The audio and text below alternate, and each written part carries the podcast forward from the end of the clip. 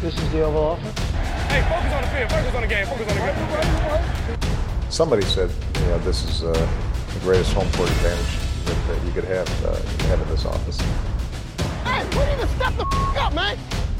So that's the Oval Office. Velkommen indenfor i det ovale kontor. Vi er op til her mandag den 1. februar. Klokken er 6 om aftenen. Jeg hedder Mathias Sørensen, og med mig har jeg Thijs Røger. Hej Thijs. Halløj, halløj, halløj. Du lyder frisk. Jeg er klar til Super Bowl. Det er godt. Anders Kaltoft, også med mig, Anders. Aloha, Mathias. Og sidst men ikke mindst, Mark Skafte Våbengård. Hej Mark. God aften, Mathias. Vi har selvfølgelig samlet os her noget tidligere på ugen, vi plejer for at snakke om Super Bowl. Og det er jo simpelthen øh, dels fordi det lige var sådan, det passede ind i vores kalender, men også sådan, så I derude i den anden ende har rigtig god tid til at kunne blive klar til den store kamp, der skal spilles natten til mandag. Det er selvfølgelig Tampa Bay Buccaneers og Kansas City Chiefs, der mødes i Super Bowl 55. Og vi har lavet, øh, vi har egentlig lagt vores normale øh, hvad hedder sådan noget, optagsprogram øh, ned over den her kamp. Det vil sige, det er selvfølgelig kun den kamp, vi kommer til at snakke om, fordi det er den eneste kamp, der er. Men øh, vi har så øh, kommet til at gøre det for lidt forskellige vinkler, så vi har nogle matchups, som jeg øh, skal høre mine medværter i, hvad de glæder sig til. Så har jeg også bedt dem om at komme med et bud på en, øh, nogle spillere, der kan få en jokerrolle. Og så har vi også lagt, det, hvorfor vinder de nedover? Og det kan jo lyde lidt kedeligt, når det kun er én kamp. Men vi har så brugt det op, og så sige Chiefs angreb mod Box forsvar, og Box angreb mod Chiefs forsvar. Og så tager vi de farvede briller af til sidst, og så tager vi en snak om, hvad vi rent faktisk tror, der sker i kampen, og hvordan vi den måske kunne forløbe, og hvem vi selvfølgelig også tror, der vinder. Vi kommer med nogle picks også til sidst, eller med vores picks til sidst. Um, vi har spurgt os no- om nogle lytterspørgsmål, og vi har fået en masse. Tusind tak for det. Dem har jeg drysset sådan lidt ud over, hvor de lige passer, så dem tager vi også undervejs. Uh, og så skal vi selvfølgelig snakke også om noget, der ikke er så Super Bowl-relateret. Det er selvfølgelig den store trade, der sendte øh, Matthew Stafford til Los Angeles Rams. Den kommer vi til også at snakke om. Men inden vi går i gang, skal jeg jo lige sige, at vi jo kan gøre det her, fordi der er en masse dejlige mennesker, der støtter os inde på tier.dk med et valgfrit beløb for hver program, vi laver. Og det kunne du også tage at gøre, og så tænker du måske, jamen det giver jo ikke så meget mening nu, fordi sæsonen er slut. Jamen det er den måske nok på banen, men det er den ikke for os, fordi vi, øh, eller for NFL for den sags skyld, der kommer til at ske en hel masse i offseason. Og det kommer vi selvfølgelig til at gennemgå løbende og komme med vores tanker om. Så øh, der er altså stadig god grund til at øh, støtte os, sådan, så vi kan gøre det, og vi kan forberede dig på, hvad der kan ske i offseason, og så også selvfølgelig op til den kommende sæson. Øh, og Mark, øh, du har jo sagt til mig, at du også lige vil sige lidt her, inden vi går i gang. Ja, tak. Jeg, jeg, jeg får lov til lige at gøre lidt reklame. Øh, fordi som nogle af vores lyttere sikkert ved, så har jeg sammen med min kammerat Stefan og den gode Elming, den side, der hedder eatmysports.dk. Og den der kan du finde en masse øh, lækre og greasy opskrifter til en god aften foran øh, tv'et med sport. Og er der nogen spørge, større sportsbegivenhed end Super Bowl? Det tror jeg ikke, der er. Så i løbet af den her sidste måned, der har vi kørt nogle konkurrencer, hvor folk kunne stemme om blandt andet over Super Bowl-ret, og og vinderen, er lige blevet offentliggjort, det blev vores uh, chili dogs, hvis opskrift man nu kan finde på hjemmesiden, så man kan være klar til Super Bowl. Og derudover vil jeg sige, så har vi lige lavet en film, som man kan finde på vores forskellige kanaler, men også på Gul Kluds Facebook-side, hvor vi uh, tester tips og tricks til den bedste Super Bowl-fest. Blandt andet så kan man finde ud af, hvordan man kan få sin øl til at blive rigtig hurtigt kold, og løsninger på servering af snacks og meget, meget mere. Det skal man gå ind og tjekke ud. Det er ret sjovt. Og så vil jeg bare til slut sige, at man kan finde det på Instagram, Facebook, Twitter og ikke mindst YouTube, hvor vi laver nogle film. Um, og der er også inde på hjemmesiden, det er der de gode gamle klassikere til, fra Zulu-dagene på Rosses Burger og så videre også ligger. Ja. Så eatmysports.dk, det, det er et must til op til Super Bowl. Kan altså varmt anbefales, fordi NFL og mad, det hænger bare sammen. Og altså, der er jo så meget spændende at, at dykke ned i, i det amerikanske madunivers, selvom det selvfølgelig tit måske ikke er super sundt, så er det tit ret Nej. lækkert. Øh, og jeg går ud fra, Mark, I har noget, I har noget stort undervejs til Super Bowl. Kan du løfte sløret lidt for, hvad I, hvad I skal have og, og spise på søndag? Jamen, vi har, vi har jo simpelthen tænkt os at følge den menu, som, som vi har sammensat i løbet af den her måned, så det bliver blandt blandt andet chili dogs, okay. øh, som vi kommer til at lave. Men, øh, men der er også lidt i støbeskeen til, til noget lækker dessert og nogle forskellige sjove stacks og så videre. Vi kommer til løbende den dag og aften og, og lægge lidt videoer og lidt billeder og så videre op, så endnu en god grund til at gå ind og finde os på, på de sociale medier. Det bliver ret sjovt. Og så skal vi bare have så mange. Hvis nu der er nogen, der går ind og, og, og, og vælger at lave de her ting, så må I meget gerne sende, sende billeder og så videre til netop de sider. Det skal I bare gøre. Uh, og også, vi vil også bare gerne se, hvad I laver ellers af, mad derude, for som du siger, mad og Super Bowl og mad og amerikansk fodbold, det hænger bare sammen, og vi synes simpelthen, det er så sjovt. Så, øh, så jo mere jeg har lyst til at lege med, jo, jo mere giver vi, kan vi sige. Den opfordring her med givet videre. Og lad os så snakke om lidt fodbold. Uh, og vi starter med nyhedsrunden jo, fordi der er et kæmpe stort punkt. Matt Stafford, han er nu Rams quarterback. Han er ikke officielt gået igennem nu, det kan den ikke før øh, det nye ligaår officielt begynder i marts. Men han, øh, han skifter altså til Rams fra Detroit Lions, og det vidste vi jo godt, at han skulle, i hvert fald væk fra Lions. Øh, Rams lå måske ikke lige for Thijs, øh, og de ender også med at, at betale en, en fyrselig sum for ham, og, og sender Jared Goff den anden vej jeg synes, det er en rigtig sjov handel, det her. Jeg elsker den her aggressivitet, der er for Rams, og det er mega sjovt at følge med i som helt objektiv NFL-fan udefra. Øh, jeg ved selvfølgelig ikke, hvordan holdenes fans har med det, det kan vi så heller køre i det her program, men hvad synes du om det? Jamen, det er jeg enig i, at det er super sjovt, hvis, hvis vi starter der. Ja. Øh, det er sjovt at se, når, når holdene er, er modige, eller laver nogle af de her vilde moves, øh, som det selvfølgelig er for Rams, fordi som du siger, eller som du indikerer i hvert fald, de har haft, eller de har Goff, de har investeret en masse i Goff, både i draftvalg dengang de tog ham, hvor de jo traded op øh, til første valg og tog ham, en stor kontrakt og alt muligt, og alligevel så har de sagt, efter nok de to seneste sæsoner, har sagt, det her det er ikke manden, der kan få os til Super Bowl, vi skal have noget andet. Og vi skal have en bedre quarterback. Det er det helt store punkt. Uh, McVay har tydeligvis ikke været tilfreds med Goff de sidste par år. Træt af at se på ham, og som den offensive head coach han er, så, uh, så, skal han, så vil han have noget nyt. Og, øh, og det, der var Stafford jo hvad hedder det, en af, de, en af de gode muligheder på markedet. Der er selvfølgelig øh, snak om det Sean Watson og så videre, men det er jo nok ikke realistisk på nogen som helst. Ja, det, det, det tror jeg ikke, det er. At det er realistisk, at man bare lige øh, henter det, det Sean Watson. Så Stafford var jo en oplagt mulighed for Rams, hvis de virkelig mener, at, at quarterbacken, det er det sidste, der mangler. Og det kan jeg jo sådan set være enig i, at øh, i hvert fald at han er en stor del af det, der manglede, eller han var en stor del, eller positionen var en stor del af det, der manglede. Øh, så altså, jeg synes, det er sjovt, og jeg synes, øh, Stafford er en opgradering. Det synes jeg ikke, der kan være nogen tvivl om. Øh, det er klart, Stafford er ikke en top 5 quarterback i NFL, men han er en gevaldig meget bedre quarterback end Jared Goff. Om det så ender med at lykkes for Rams, alt det her øh, aggressive. Det finder vi jo så ud af. Men uanset hvad, så har øh, Les Snead i hvert fald satset helt, bisk, øh, helt biksen. Og det, øh, det synes jeg egentlig, at han skal have respekt for. Om det så lykkes i den her leg, det ved jeg ikke. Men det er i hvert fald sjovt, og jeg tror, at, at Rams er blevet bedre. Mm. Ja, det, det er to første rundevalg, et tredje rundevalg, altså Jared Goff, der bliver sendt til Detroit, Anders. Øh, de er ikke så vilde med de her første rundevalg i, i Los Angeles, men altså, de har ikke haft nogen siden 2016, og de har alligevel, de har været i en Super Bowl, de har været i slutspillet, tror jeg, tre ud af fire år, og vundet to antal kampe, også tre ud af fire år. De har jo ikke rigtig brug for dem, har de det? Ikke umiddelbart lige nu, men man skal jo også, jeg synes også, det er værd at tænke på, at det øjensynligt bliver første rundevalg i den nedre halvdel. Det er det, øh, ja. Hvor man så, ikke kan få de her jo... kæmpe difference makers. Altså, Ja, det er i hvert fald lidt mere et, et coin flip, om, om du rammer ja. øh, på, på... Det er jo ikke, det er jo ikke øh, hvad hedder det, de typiske blue chip talenter, der lander dernede. Øh, og det har jo lykkes, som du siger, det har lykkes fint nok for dem. Jeg, jeg kan egentlig også meget godt lide det, som I begge to var inde og, og kommentere lidt på, fordi det giver en mulighed. Altså om det så lykkes, det er jo sådan en anden sag. Øh, og så bliver det så spændende at se, hvordan de får rullet rundt i deres cap, fordi de lige nu står til at være 43 millioner over. Men må ikke, at, at det ligesom bliver ordnet. Det plejer, plejer det jo at gøre. Der er altid en eller anden måde, de kan fikse den rundt på. Og ja. både Stafford, Donald og Ramsey har kontrakter, der kan, der kan konverteres til bonusser på en eller anden måde. Og det er dem, der har de største cap hits næste år. Så det burde kunne lade sig gøre. Men jeg er meget spændt på at se, hvad, hvilket, hvilken type angreb det kommer til at være øh, med, med den arm, som, som John Matthew Stafford han har, og, og så sammen med McVay, fordi det, ja, det er egentlig det, det, det er den sammensætning af de to, der jeg synes, der er mest spændende, fordi så ja, nu får Matthew Stafford endelig en hvad kan man sige, innovativ og, og ja, kreativ øh, offensiv hjerne, det har man ikke rigtig set før, synes jeg. Og McVay får en god quarterback. Det må man sige. Ja, altså stadigvæk, altså nu, nu har, i forhold til hvordan de klarede sig i år, var det jo forsvaret, der bar dem ret langt derhen ad vejen. Nu er spørgsmålet jo så også, hvordan det kommer til at fungere, når deres, øh, fordi det, det var jo meget på ryggen af Brandon Staley's system også. Ja. Og, så det bliver jo også spændende at se, om de kan få det ført videre. Den her, nu, nu ryger Jared Goff ud, og hans kontrakt var jo åbenlyst, efter de forlængede den kæmpe sten i skoen for Los Angeles. Det, er også, det lugter jo lidt af, at de har lidt, om man så må sige, betalt for at komme af med ham. Fordi to mm-hmm. første rundevalg og tredje rundevalg og Jared Goff for Matt Stafford, det lyder jo af rigtig meget. Er det, sådan, det, er det lidt en, en Brock Osweiler 2.0, han vi så for et par år siden, hvor, øh, hvor Houston sendte ham til, sendte Osweiler til Cleveland, simpelthen, øh, og, og betalte dem for det øh, i, i draftvalg for, for at tage hans kontrakt. Øh, der, er vel, der er vel et eller andet i det, og det er så svært lige at, at, at opdele det helt, måske hvad der er hvad, men, men det, det har vel gjort, at, at Detroit også har taget sig lidt bedre betalt. Det, det, er, det er jeg ikke i tvivl om. Øh, selvom jeg så vil mene, at Jared Goff han er en bedre quarterback end Brock Osweiler. Absolut, absolut. Øh, øh, men, men jo, jeg tror da ikke, at man skal...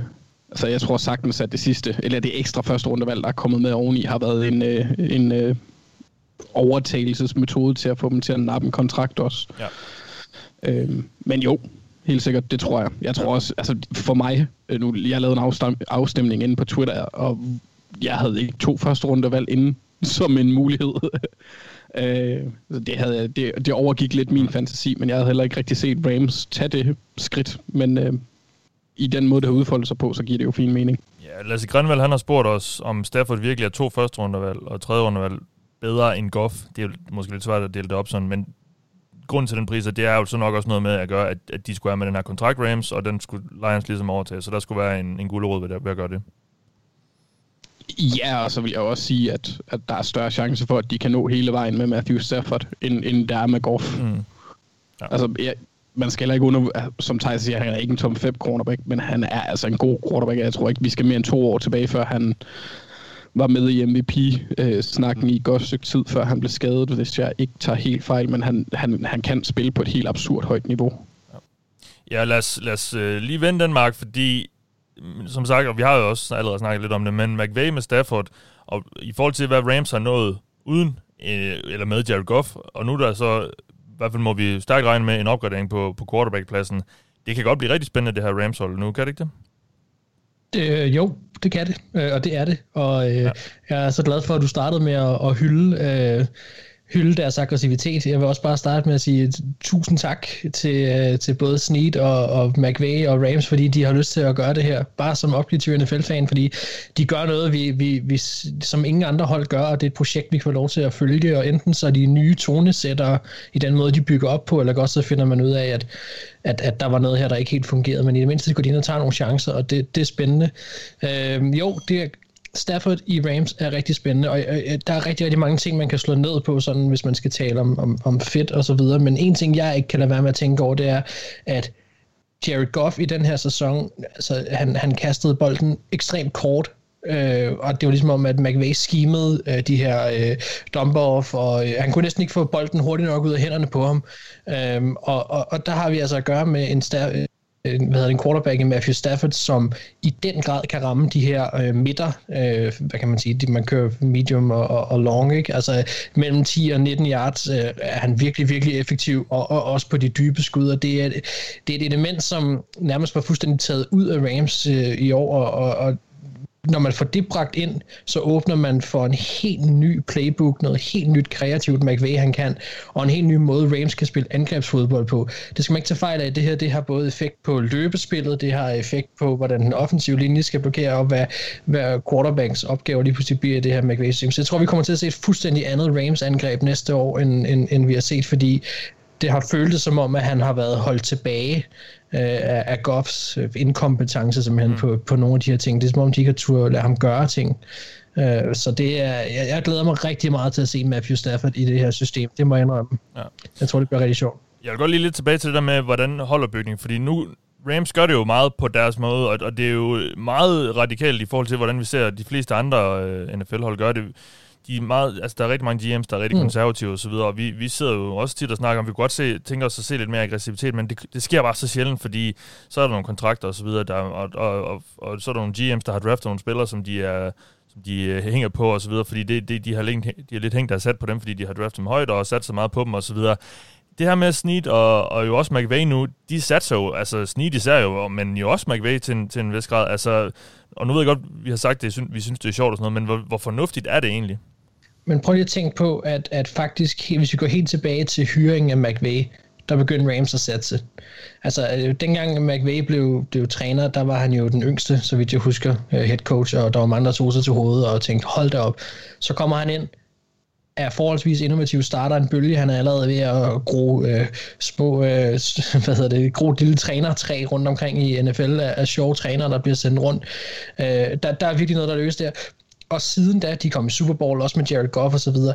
Jeg tror, det her, det kan virke, eller jeg tror, de gør det, øh, fordi de har så stor selvsikkerhed og tro på dem selv, fordi de har vundet så meget, siden de begyndte at tage de her chancer.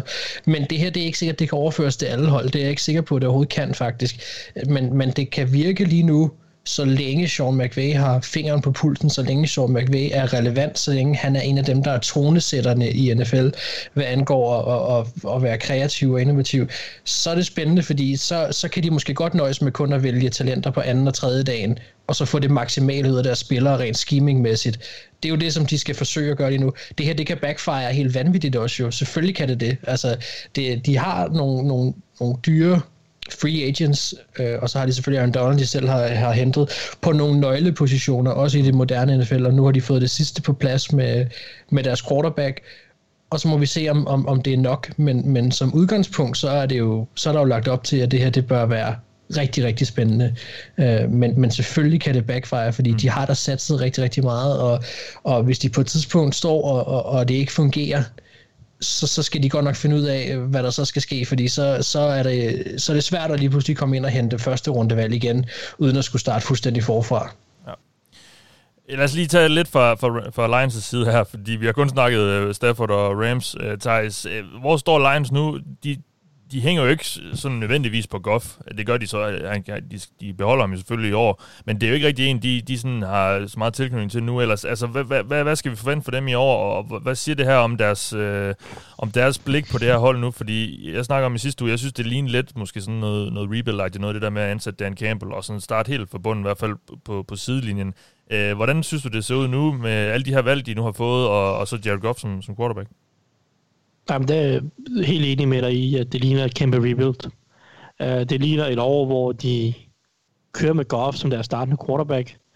Uh, det er jeg næsten ikke i tvivl om. Og den her trade, synes jeg heller ikke giver mening for Lions, hvis de ikke bruger Goff som en, en, en bridge quarterback i 2021 og måske også 2022. Um, øhm, og nu ja, fordi der er jo ikke noget, der afholder dem fra at drafte en quarterback i år. Nej, nej, det er der selvfølgelig ikke, men, men jeg vil stadig sige, så, så bliver det med, med henblik på øh, formentlig at udvikle den her quarterback langsomt ja, ja. Øh, med Goff, som, altså fordi som, som jeg lige husker Goffs kontrakt, som når den bliver overført her til, til Lions, så er det ikke meget Lions får ud af at cut ham, før øh, vi er helt hen i 2023. Så de mm, næste to sæsoner er det ret sandsynligt, at Goff han er hos Lions, medmindre de trader ham igen, så at sige, altså næste år måske kan finde en ny trade partner, så er det klart, så får, for de får ikke to første rundevalg eller noget som helst for ham. Øh, men, men så kan de få noget mere i, i retur på en eller anden måde, for at have tænket den her kontrakt i et par år, eller et år. Men, men jeg er enig i, det ligner et, et fuldt hårdt, øh, brutalt rebuild i år, hvor at der i free agency ikke skal ske ret meget i Detroit, men at man derimod skal drafte en spiller her i, i, toppen af draften. Øh, har de 8, ja, de syvende valget, mener jeg. Eller nej, de har, de har et højere valg. Det, undskyld. syv? Jo, er det ikke syv? Er det syvende valget? Det er, det, nu bliver jeg i tvivl, men det tror jeg altså, det er. Men nu har været, de drafter en eller anden spiller der. Om det er så en quarterback eller ej, det får vi at se. Jeg tror ikke, de bliver en quarterback personligt. Jeg tror, de går med Goff nu et år. Ja. Øh, og så tager de en, en eller anden spiller, som de mener kan blive en hjørnesten på forsvaret og angrebet de næste rigtig mange år. Øh, og, så, øh, og så bruger de ellers hele året på at evaluere en masse af deres unge spillere, dem de drafter i år, øh, dem de har allerede af unge spillere, der er nogen, der skal udvikle selvfølgelig. Vi, vi, ved, altså, vi har en type som Jeffrey Okuda, som de skal, som de skal forløse, ja. øh, efter han også har været et meget højt draftvalg. Og så altså ellers bare begrænset med free agents ind. Og hvis de skal have free agents ind, så skal det være nogle, nogle flyers på nogle spillere, som de enten bare er der i et enkelt sæson, eller som måske kan bruges på længere sigt også. Øh, og så må man, når vi rammer 2021, øh, eller det vil sige efter 2021-sæsonen, så har du din adskillige første rundevalg, så har du en idé om, hvor vi er henne med truppen. Trænerstaben har fået et års erfaring, fundet ud af, okay, hvad virker, hvad virker ikke, hvor skal vi blive bedre, hvor skal truppen blive bedre, hvad passer til vores system og vores idéer osv. Og, og så kan du fra 2021, så begynder du rigtig at bygge, så kan du gå ud i free agency og bruge penge, så kan du gå ud og drafte adskillige første rundevalg og, og formentlig prøve, altså jeg vil sige, den her offseason, Lions kan blive ved med at prøve at akkumulere draftvalg, akkumulere øh, cap space fra 2022 øh, og 2023 sæsonerne, fordi det er 2022 og 2023, at de nu har sat, altså har, har fået skaffet sig noget kapacitet til, det er der, de tænder for boosterne, ja. og så ellers bare virkelig fyrt den af. Øh, og så i år handler det om at evaluere truppen og akkumulere mere draftkapital og mere cap space til de år. Og så ellers må det bare, så bliver det en træls sæson på resultatfronten, men ellers så skal der bare evalueres unge spillere. Ja. Nu skal du lige, nu skal du lige tænke på, at, uh, at, at Lions har jo fået NFL's nye guldtrio i Dan Campbell, Anthony Lynn og Jared Goff. Jeg er godt nok spændt på, når vi skal tale off-season her, om det her det virkelig er så slemt, som det i mine ører lyder, eller, eller hvad der kommer til at ske, fordi åh, jeg kan ikke lade være med at sidde og smile en lille smule. Det, det synes jeg godt nok er lidt, lidt specielt, det de har ja. fået skrabet sammen deroppe i Detroit, det må jeg indrømme. Ja. Ja, vi kommer til at snakke mere om det øh, i offseason med alt det her. Hvad skal vi forvente af Rams og Lions nu og så. Så, så lad os også øh, gennem lidt af snakken til det. Øh, mm-hmm. Så er det jo nok ikke helt tilfældigt, at det lige var Rams, han endte i, fordi den nye GM i Lions, han kom jo fra Rams, Brad Holmes. Han var jo tidligere ansat i Rams, så, så der var jo nogle gode connections der. Det lå måske så bare ikke lige for, fordi der var al den her situation med Goff og så videre, men det fandt de altså en løsning på. Øh, nå, mere til, til den her, inden vi går videre.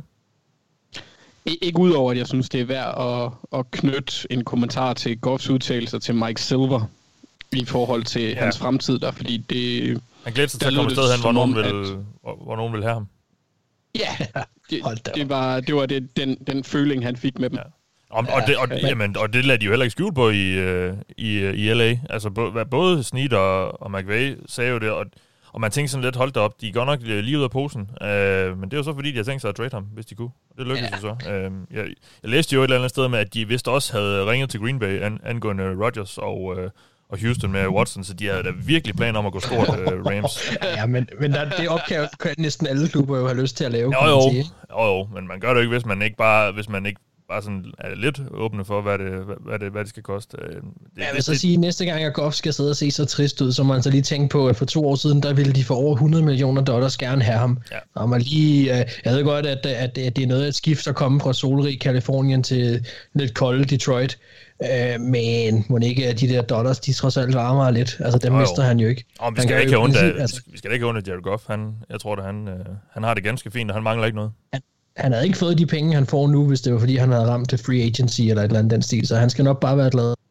Ja, det, det er han nok også et eller andet sted. I hvert fald, så kan han starte lidt for ny i, i Detroit, selvom det er måske lidt ærgerligt sted at flytte hen fra LA. Uh, men uh, nok om det.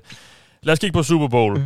fordi uh, det er jo afslutning på sæsonen, og øh, vi skal have fundet en, øh, en mester i NFL, og det står mellem Tampa Bay Buccaneers og Kansas City Chiefs, i tilfælde, at du ikke allerede vidste det. Og som jeg nævnte i starten, så øh, kører vi vores normale optagsprogram, øh, men selvfølgelig kun med fokus på de her to hold. Øh, og det første, jeg har spurgt min medvært om, eller bedt min medvært om at komme ved, det er et bud på et matchup, de glæder sig til at se, og så en spiller, som de tror kan få en jokerrolle. Og øh, Thijs, nu har vi hørt fra dig sidst i den her rækkefølge, så du kan få lov til at begynde nu. Jamen, øh, med glæde.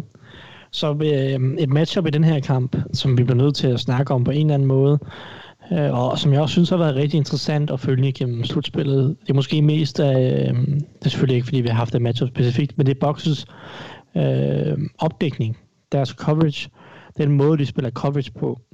Øh, fordi jeg, jeg var i anden halvdel af sæsonen rimelig meget efter box, fordi deres kasteforsvar ikke var så imponerende.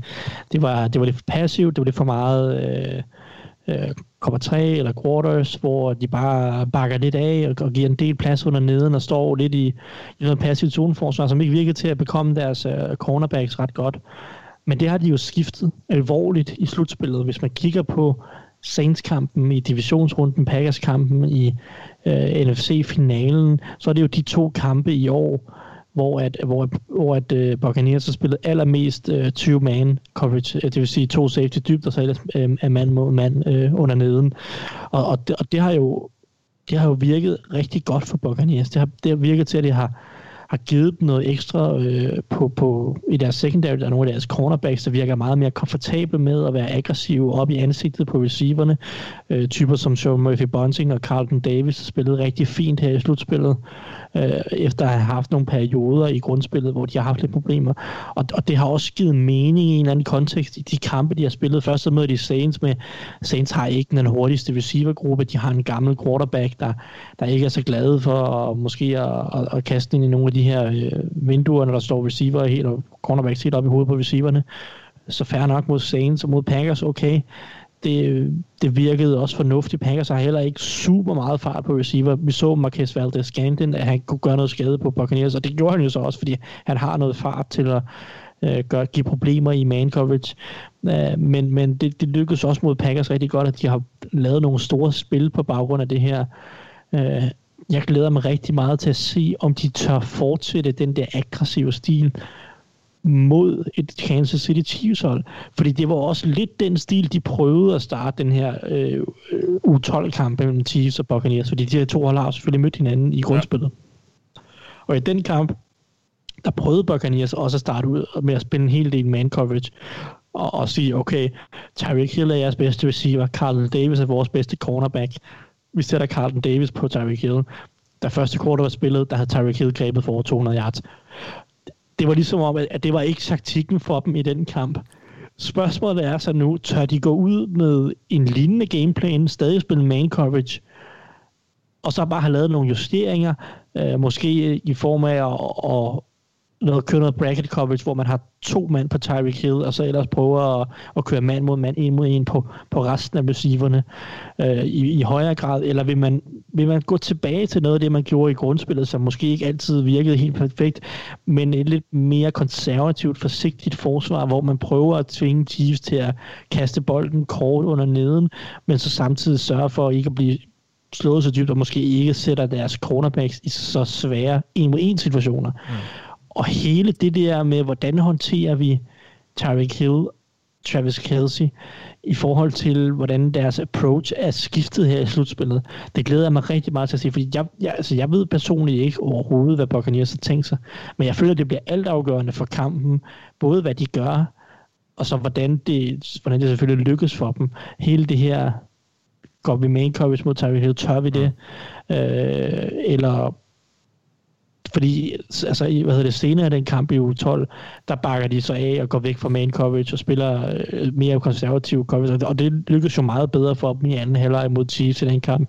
Man kan yeah. så argumentere for, at Chiefs også slappede lidt mere af øh, og var tæt på at smide en stor føring, fordi de ikke rigtig holdt øh, det, det, kan, på dagen. Det kan være, at vi lige skal tage det spørgsmål, jeg har fået fra Philip Søren Bonnet, fordi han spørger nemlig, hvad skal Box gøre, for at de ikke bliver brændt for 200 yards til Tyreek Hill igen? Og du har du selvfølgelig været lidt ind på det, og, og du får også lov til at snakke senere om Boxes forsvar. Uh, men men kan, er, er, er, det den her lidt mere forsigtige uh, tilgang?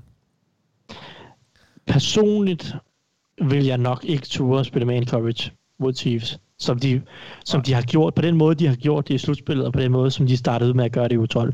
Det tror jeg ikke, jeg vil ture. Jeg tror simpelthen, at Chiefs er for gode. Jeg tror ikke, de har, jeg synes ikke, de har en cornerback, som jeg stoler på, kan, kan lade være med at blive ydmyget, hvis han spiller man coverage over for, for Tyreek Hill. Uh, så jeg tror, at, at jeg vil, altså, jeg snakkede lidt om det i sidste uge mod, eller med Bills, og, og, eller jeg gjorde det i hvert fald på Googles hjemmeside, da vi lavede opsagten der, at, at, at mod Chiefs, altså, jeg, jeg er egentlig langt hen ad vejen fan af at spille kujonforsvar mod Chiefs. Altså, øh, vi, vi, bakker, vi bakker safeties ja. til dybt, og vi bakker cornerbacksen lidt af. Så prøver vi at tvinge dem til at kaste den under neden. Og, Men er det og også Todd Bowles stil? Nej, det er ikke Todd Bowles stil. Og, og, og det, det er det i hvert fald ikke ideelt set. Todd Bowles er en aggressiv øh, defensiv koordinator, der godt kan lide at blitse, der godt kan lide at spille man coverage. Og alle de her ting, som, man ikke, som jeg ikke synes, man må, eller det må man gerne, men som jeg synes er super, super farlige mod Chiefs. Så det er jo virkelig sådan, en anden balancegang, som Todd Bowles skal finde i at selvfølgelig holde sig tro mod sin egen identitet som defensiv koordinator, og den identitet, som har virket for Buccaneers her i slutspillet på forsvaret, men samtidig have noget mere respekt for Chiefs' fart, end de havde i u 12. Og det bliver interessant at se, om de kan finde den balancegang, fordi det bliver nok, altså, de må, de må prøve at mixe det op. Det er jo nok det mest reelle svar. De, det er jo, de skal nok ikke gøre det ene eller det andet, de skal gøre en anden god blanding af det hele, og nu kan man sige, at de har erfaring med at gøre begge ting, øh, måske i forskellige, sådan, i forskellige succesgrader, men altså, de må jo simpelthen prøve at, at, at, at justere undervejs, skifte lidt, skifte lidt rundt og gøre noget forskelligt, og så, øh, altså uanset hvad, så er det jo sandsynligt, at Tyreek Hill øh, går amok på samme måde, fordi det var jo en højst usædvanlig kamp, hvor han jo ja i perioder var på vej mod øh, at slå nærmest receiving-rekorden for en enkelt kamp. Og, og det, det kommer jo ikke til at ske igen på samme måde, så på en eller anden måde, så skal Chiefs jo også finde på noget nyt. Altså, de kan jo ikke bare kaste den til Tyreek Hill, som de gjorde hele den kamp, eller i hvert fald i første halvleg af den kamp. Så jeg vil sige, at de bare skal fortsætte med, altså bare, just, så bare variere det lidt mere, og så måske ellers bare Ja, jeg vil ikke turde gå så meget man coverage, som de måske gjorde i starten af den kamp. Jeg vil ikke turde gøre det så meget, som de har gjort her i slutspillet. Men, øh, men selvfølgelig ja. skal de også forblive tro på deres identitet. Vi tager lige en omgang øh, senere med jokerne, Thijs, så, så vi venter lige lidt med at høre, hvem du har der. Så, så får vi de her matchups, I glæder til at se, Anders. Du kan få lov til at smide det næste på banen, og, og vi bliver lidt på, øh, på den samme side af bolden, han har sagt. Kan jeg forstå? Jamen, det er lidt i forlængelse af det, fordi jeg har sådan en idé om, at hvis, hvis Box de skal have succes på nogen måde øh, i forsvaret på at dæmme op for, for Chiefs angreb, så er den, op, eller den defensive linje simpelthen nødt til at, at, at dominere, eller i hvert fald pres øh, Chiefs offensive linje enormt meget, så jeg er meget spændt på at se det øh, matchup, fordi ja, i mine øjne, hvis Box skal have en chance for at vinde den her kamp, så bliver den defensive linje en af deres vigtigste brikker. Og så står de så også over for en Chiefs offensiv linje, der er uden begge startende tackles. Ja. Ja, mistede Eric Fisher øh, før NFC Championship-kampen. Ja, øh, øh, øh, altså, AFC må det være. i divisionsrunden. Ja. ja. Øhm, og Swartz han har så været ude en stor del af sæsonen, så det er lidt en patchwork offensiv linje, som Chiefs de stiller med, og øh, blandt andet øh, Marks yndlingstackle nogensinde, Mike Remmers, han øh, stiller op som venstre tackle, og han kommer til at stå... Good old Remmers. Ja, han kommer til at stå for Jason Pierre-Paul på de fleste af snaps. Ja, ja. Og Remmers husker vi jo alle sammen for at være manden. Han har været i Super Bowl før, og der blev han simpelthen bare bøllet af Vaughn Miller i Super Bowl 50. Og så på højre tackle, der har vi så Andrew Wiley, der står, så, står for Shaquille Barrett, hvilket også er et knap så favorabelt matchup for Chiefs. Wiley, der er normalt er guard, ikke? Jo. Ja. Han blev rykket ud her øh, efter skaden, er jeg ret sikker på. Øh, tæt på og så samtidig synes jeg også tæt på alle O-line versus D-line matchups vinder boks på papiret, men de er nødt til at vinde voldsomt hurtigt og gerne gennem midten. Øh, Sue, Golson og Vita Vea bliver e-, ekstremt vigtige her også, fordi vi så mod Buffalo, at Mahomes, han gik, han, i den kamp gik han ikke alt for dybe på sine dropbacks, eller alt for dybt på sine dropbacks. Han manøvrerede enormt godt i, i lommen og gik op, så edge, rusherne, edge, rush, edge rusherne var nærmest irrelevante i den kamp. Øhm, og samtidig så er Mahomes bare uhyggelig mod blitzen, og der bliver Bowles nødt til at være lidt mindre aggressiv. Han er, Mahomes han er okay. selvfølgelig uhyggelig mod alt, men når folk blitzer, så æder han dem. Og det har jeg sagt før, fordi det er sket mod mig, og det er sket mod mit hold mange gange. To gange i hvert fald. Øhm, så derfor er Box defensivt linje nødt til at vinde for at kunne sætte flere spillere i coverage øh, og for at holde styr på blandt andet Tyreek Hill. Og de er nødt til at vinde hurtigt øh, for at sætte deres coverage i en bedre situation. Så det er også derfor, jeg egentlig, altså nu, nu, kommer jeg, nu venter jeg lige med min joker, men ja. det er også inspireret af, af den defensive linje og rotationen på det område. Godt. Så lad os få det sidste matchup, Mark. Hvad glæder du dig til at se? Jamen, jeg har jo faktisk cirklet en, øh, en speciel spiller fra, øh, fra, fra Chiefs, og det er Chris Jones. Og, og det bliver så mod en, øh, en virkelig god uh, box O-line. For mig er Chris Jones en spiller, som jeg vil holde øje med hele kampen. Uh, for han kan komme til at, tror jeg, spille en afgørende rolle. Og selvom at både Chris Jones og Frank Clark uh, er kendte navne i NFL, så er det jo ikke ligefrem pass rush, som Chiefs er mest kendte og frygtet for. Men det gør ikke så meget. Fordi lige nu er vi et sted i sæsonen, hvor øh, mængden af sacks, der er blevet lavet, det betyder sådan set ikke så meget. Det, der betyder noget, det er, hvordan man sætter sit aftryk på én kamp. Og Jones, han havde sidste Super Bowl ikke nogen sacks, men han gjorde så mange andre ting. Blandt andet så stak han lige porten i vejret og ramte tre bolde. En af dem super tæt på inde i en interception, og senere der fik han lagt øh, pres og jagtede Garoppolo på en måde, der endte med, at han tog en dårlig beslutning og kastede en høj, sådan give it up ball, der blev interceptet. Altså det impact, og det er noget, der betyder noget i en Super Bowl. Og specielt i en kamp, hvor Box ikke kan tåle at misse chancer for at score point. Og Så er der jo så til gengæld på den anden side en fremragende offensiv linje på den anden side, og, og de har nogle super kompetente spillere. Og de kommer også lige fra en, en rigtig flot kamp mod Packers. I generelt kommer de jo fra en fremragende sæson, øh, hvor man nærmest ikke har behøvet at vaske Bradys trøje efter kampen. Øh, og jeg, jeg tror virkelig ikke, at man kan underdrive, hvor stor en betydning den o har haft for, at Bucks de står, hvor de gør i dag. Fordi en Brady under pres, det er, ikke, det er virkelig ikke særlig godt. Øh, og jeg mener, at vi tidligere her for et par podcasts siden, hvis ikke det var den sidste, der har snakket om Brady's tal under pres, hvor man kan ringere end flere af de andre quarterbacks, som vi har set her i slutspillet. Øh, så kan man presse Brady, så har man en stor chance for at fremtvinge nogle store spil, og, og det betyder så, at man lukker den her kamp. Øh, fordi Chiefs, de skal nok score point i den anden ende, det ved vi. Øh, så derfor så glæder jeg mig enormt meget til at se Chiefs pass rush, og især Chris Jones mod den her fremragende O-line. Ja. Øh, de er jo nærmest som en garage af granit, der beskytter deres gamle veteranbil. Og, og, og altså det her, det kommer til at, sige, til at sige flere gange i den her podcast, men Box skal over hele linjen spille en perfekt kamp for at vinde. Øh, og det gælder bestemt også deres O-line. De skal have styr på Chiefs pass rush som det mindste. Øh, men jeg vil, bare, jeg vil bare slutte af med at sige, at Chris Jones for mig er en af de spillere, der har den der sådan x-faktor over sig. Han kan komme ind og lave et, to afgørende spil på det helt rigtige tidspunkt. Og hvad end det så er et pres, en, en deflection, et sack, en fumble, øh, etc. Alt, altså øh, et eller andet, så vil det ikke overraske mig, hvis det faktisk var et spil netop fremtvunget af Chris Jones, der var med til at afgøre over Super Bowl. Nej, spændende. Jamen så lad os høre øh, lidt, hvem der kan få en joker Og i mine øjne, der er det jo en af de her, måske ikke helt åbenlyse stjerner i kampen, men som jo selvfølgelig, altså det er ikke Mahomes og Brady og sådan nogle, jeg tænker på, i hvert fald når jeg tænker Joker. Det er jo de, lidt, lidt mere de der spillere, som uh, man, der måske ikke lige uh, popper op i hovedet som det første, når man tænker på de her hold. Uh, Thijs, hvem, hvem tror du kan få en joker Jamen, så håber jeg, at han er kvalificeret i din, ja, det er. i din joker. Ja, ja okay. Jamen, jeg, jeg, har taget, jeg har taget Juan Thornhill, Juan Thornhill uh, som er Chiefs safety. Uh, typisk Chiefs uh, dybe safety øh, på, mange, øh, på mange spil i hvert fald. Og, og jeg har valgt ham, fordi af et par grunde selvfølgelig, men først og fremmest vil jeg sige, han spillede sin klart bedste kamp i sæsonen øh, i AFC-finalen mod, Bill, mod Bills. Han var jo så uheldig, at han missede Super Bowl sidste år, fordi han mod slutningen af sæsonen i, jeg kan ikke huske, jeg tror det måske det var i sidste grundspilskamp, øh, rev sit korsbånd over. Og dermed missede han øh, slutspillet og øh, Super Bowl, og har virket til i år og har kæmpede lidt for at komme tilbage til nogle af de takter, han viste i sin rookie-sæson. Har stadig virket som en mand, som lige har manglet den sidste eksplosivitet, og lige har manglet den sidste føling med, med nogle af sine, sine ting, hvilket ikke er overraskende. Det ser vi ofte med, med, med korsbåndsskader og, og nogle af de her meget langvarige skader, at det tager mere tid, øh, når du først er kommet tilbage til banen, skal du også lige genfinde noget. Jeg, jeg siger ikke, at han har genfundet nu her, men han spillede sin bedste kamp i sæsonen, synes jeg, i, i, i AFC-finalen. Øh, tillod øh, 6 yards i coverage på fem kast i hans retning, slog to kast ned og så videre. Øh, var, var rigtig dygtig i oplægning.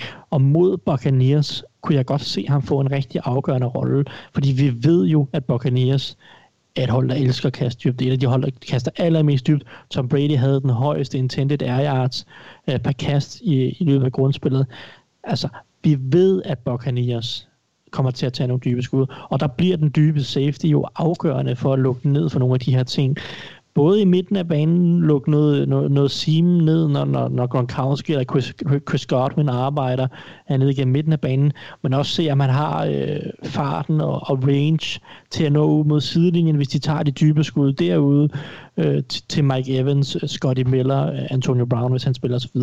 Så, så Juan Thornhill et, han så rigtig god ud i AFC-finalen. Det er fedt at se, at han måske kan genfinde lidt mere af det, han fik sin, eller han viste sin rookie-sæson efter en lidt lunken sæson i år. To, mod Buccaneers, der, der kan de dybe safeties altså virkelig gøre en forskel. Så øh, han er mit valg til en, en joker, man lige ja. skal holde lidt øje med. Selvom man sikkert ikke kommer til at se ham på skærmen så meget, fordi han er ude af tv-billedet det meste af tiden. Ja, ja. Men lad os se, om han kan lave nogle spil på bolden. Spændende. Anders, hvem er din joker? Jamen, det var jo... Øh jeg har taget andenårsspilleren Anthony Nelson, der spiller på den defensive side, uh, defensive end for Box, fordi uh, jeg ser den her kamp, jeg ser så mange ligheder mellem Boxes forsvarssituation og så den situation, som Chiefs defensive koordinator han stod overfor, da han var i Super Bowl 42, da Giants slog de dengang ubesejrede Patriots. Steve Spagnuolo. Øhm, ja, sagde jeg ikke det? Nej. Nå, Jamen, det var ham. Ja, Steve Spagnolo. Ja. Øh, så jeg tror, rotationen den bliver, den bliver vigtig. Øh, og der tror jeg godt, han kan gå ind og lave nogle spil. Øh, han, han har været, øh, været inde og lave et par stykker her i løbet af, af de sidste par måneder, og, og det er ham, som jeg ser som deres primære backup-spiller der. Og så var det også, fordi jeg ikke ville være kedelig at gentage Scotty Miller. Øh, fordi ham tror jeg stadigvæk, ja. han kan blive en joker. Ja, ham havde du som joker i, øh, i NFC-finalen. Ja, og hvis jeg skulle og den være... udfyldte han den rolle. Være... Ja, det gjorde han. Der, der fik jeg ret. Men den, jeg har mest lyst til, sådan, som ikke bliver en gennemgående, udslagsgivende joker, man kom, godt kunne komme til at lave et meget vigtigt spil, det er Chiefs fullback Anthony Sherman. Ja, okay, spændende. Jamen, vi fik jo et fullback uh, touchdown sidste år i Super Bowl. Uh, det var så Carl ja. Juszczyk. Så det kan jo være, at uh, Chiefs ser den og, og hæver med, med Anthony Sherman. Han er, sådan, han er sådan lidt mere den der old school fullback i forhold til Carl Juszczyk. Så det kunne være fedt at se ham uh, på touchdown. Jamen altså, han, han, øh, han greb i hvert fald touchdown mod Ravens. Øh, et af de der underhånds, øh, nogen som vi også har set, øh, øh, hvad hedder det, Zach Wilson i den mm. kommende draft lave. Ja. Og Patrick Mahomes selvfølgelig også. Jamen så lad os uh, slutte uh, runden af med at få en uh, joker for dig, Mark. Ja, vi skal ned i noget helt så basalt som, øh, som field position, og øh, mange af de her ting, som jeg, som jeg har valgt, det har også været, været ting, som jeg mener kan, kan gå ind og, og, og lukke kampen, hvis de fungerer. Og, og det er nærmest alt det, der ikke hedder Chiefs angreb, men Chiefs pass rush, eller det vi skal tale om nu, Chiefs special teams. Øh, for jeg har valgt med Cole Hartman, og så dermed også resten af Chiefs special team. Øhm, fordi at, at jeg, jeg vil se det som om, at field position kommer til at blive fuldstændig afgørende. Altså det er essentielt for Box, øh, at de giver Chiefs så få og dårlige chancer som muligt.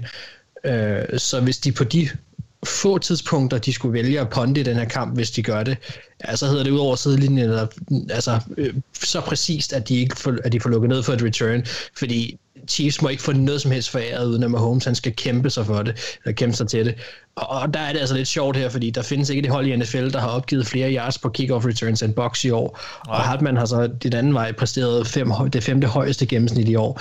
Øh, og vi ved bare, at, at han er sådan en, øh, en, en light udgave af Tyreek Hill. Altså han, han, han, er, han har fart i stængerne, og han, lige så snart han har bolden i hænderne, så, så kan der ske ting og sager. Øhm, og jeg vil bare sige igen, Box, de skal spille en perfekt kamp hele vejen rundt, og, og hvis ikke de gør det, så er det sådan noget som det her, der kan komme ind og spille en stor rolle, så derfor så har jeg valgt med Cole Hartman. Ja. Nu siger du, han, når han har bolden i hænderne, det er jo ikke altid, han lige sørger for at have det. Øh, det er klart. I hvert fald ikke i FC-finalen, men må ikke han... Hvor der, han, øh, hvor der handles, der spilles. Ja, må ikke ja. han også uh, tænke lidt mere over det øh, fremover. Ja, må ikke. Jo. Må ikke. Lad os så gå videre med vores uh, kig på den her kamp. Why? Why? Why? Why? Why? Why? Tell me why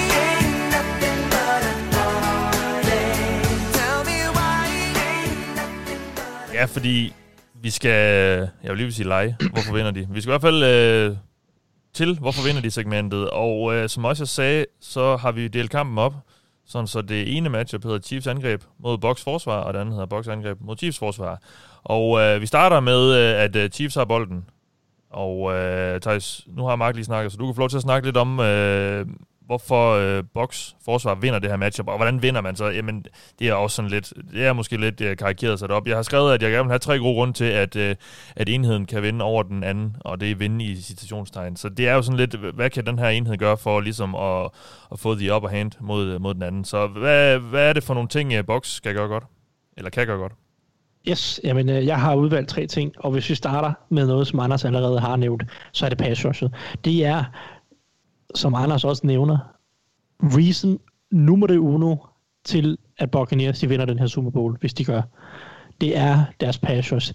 Vi så i, i NFC-finalen, hvordan at de formåede at, at ødelægge den her gode Packers offensiv Der selvfølgelig manglede David Bakhtiari, men Jason Pierre-Paul, Shaq Barrett og flyvende i NFC-finalen. Vita Vea kom tilbage, spillede godt. Der var andre spillere, der bidrog og vi har nogle linebacker, der kan hjælpe med pass rushet. Og det, og det, det er det er også Chiefs svaghed. Vi så det sidste år i Super Bowl, der var det en offensiv linje, der havde færre skader end den, end den nuværende, i hvert fald på, på tackle-positionerne, og de blev domineret af den her 49ers defensiv linje, der selvfølgelig øh, var helt eminent sidste år, og også bedre end hvad Buccaneers kommer med i år. Men det gav Mahomes og company og Chiefs en hel del problemer, at der var så meget pres på Mahomes trods alt. De endte stadig med at vinde, fordi Mahomes er Mahomes, og han lavede stadig åndssvage ting, hvor ja, han synes... dropper tilbage 17 yards på tredje down 10, og så kaster den 70 yards ned ad banen. Øh, ja, for, for Niners, de, de, de, gjorde jo det her i 3,5 kvarter. Problemet er, at det ikke var 4 ja. quarters. Øh, ja. Så det er jo det, Box skal gøre, eller hvad? Det, det er det. Det er stadig, det er stadig en måde, at Buccaneers skal stoppe Mahomes på, eller begrænse Mahomes på. Og det er altså, det er den her gode defensive linje, som Buccaneers har, som, som har spillet godt i år, og de har en, altså de ligger i top 5 i både pressure percentage og i selvfølgelig sacks. Øh, de har den, den fjerde højeste pressure percentage i ligaen, øh, og, og de møder jo en offensiv linje, der ikke er skræmmende. Altså Mike Remmers på venstre tackle, Nick Allegretti på venstre, venstre guard, Andrew Wiley på center, Stefan Wisniewski, som jo så spillede sidste år Super Bowl. Øh, øh, undskyld, ikke Andrew Wiley, Austin Ryder på center, og så, øh, hvad, hedder det, øh, hvad hedder det, Wiley på, på højre tackle. Det, altså, det er jo ikke nogen store navne. Der er ikke nogen af de her, der er etableret navne. Der er nogle af de her spillere, der er okay spillere. Austin Ryder øh, øh, og og Allegretti har der spillet fine sæsoner. Vi ved, at, at Remmers og Wisniewski er, er stabile, erfarne spillere. Wiley er også en fin nok spiller. Han skal, han skal så bare spille tackle i stedet for guard. Men det er der en positionsgruppe, som man skal kunne angribe. Og, og, det, og det synes jeg, der er gode muligheder for, for Buccaneers. Så det er den, den allerstørste grund til, at Buccaneers skal skabe noget ravage i den her kamp. Ja. Det er deres pass rush.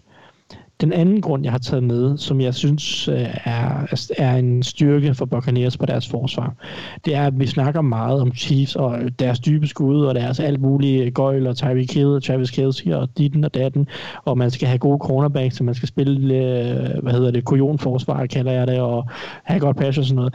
En af de ting, som, som man ikke altid snakker om, men som jeg synes jo er helt essentielt for Chiefs, til ligesom at få det hele til, uh, det er ligesom en, på en eller anden måde øh, lim, der, der, der holder det hele sammen ofte. Det er den måde, de angriber linebacker på. De er, Andy Reid er så eminent til at udstille linebacker, der ikke har fart, eller ikke er så dygtige i opdækningen. Og nu ved jeg godt, at jeg har været efter Devin White en lille smule i opdækningen i perioder af den her sæson.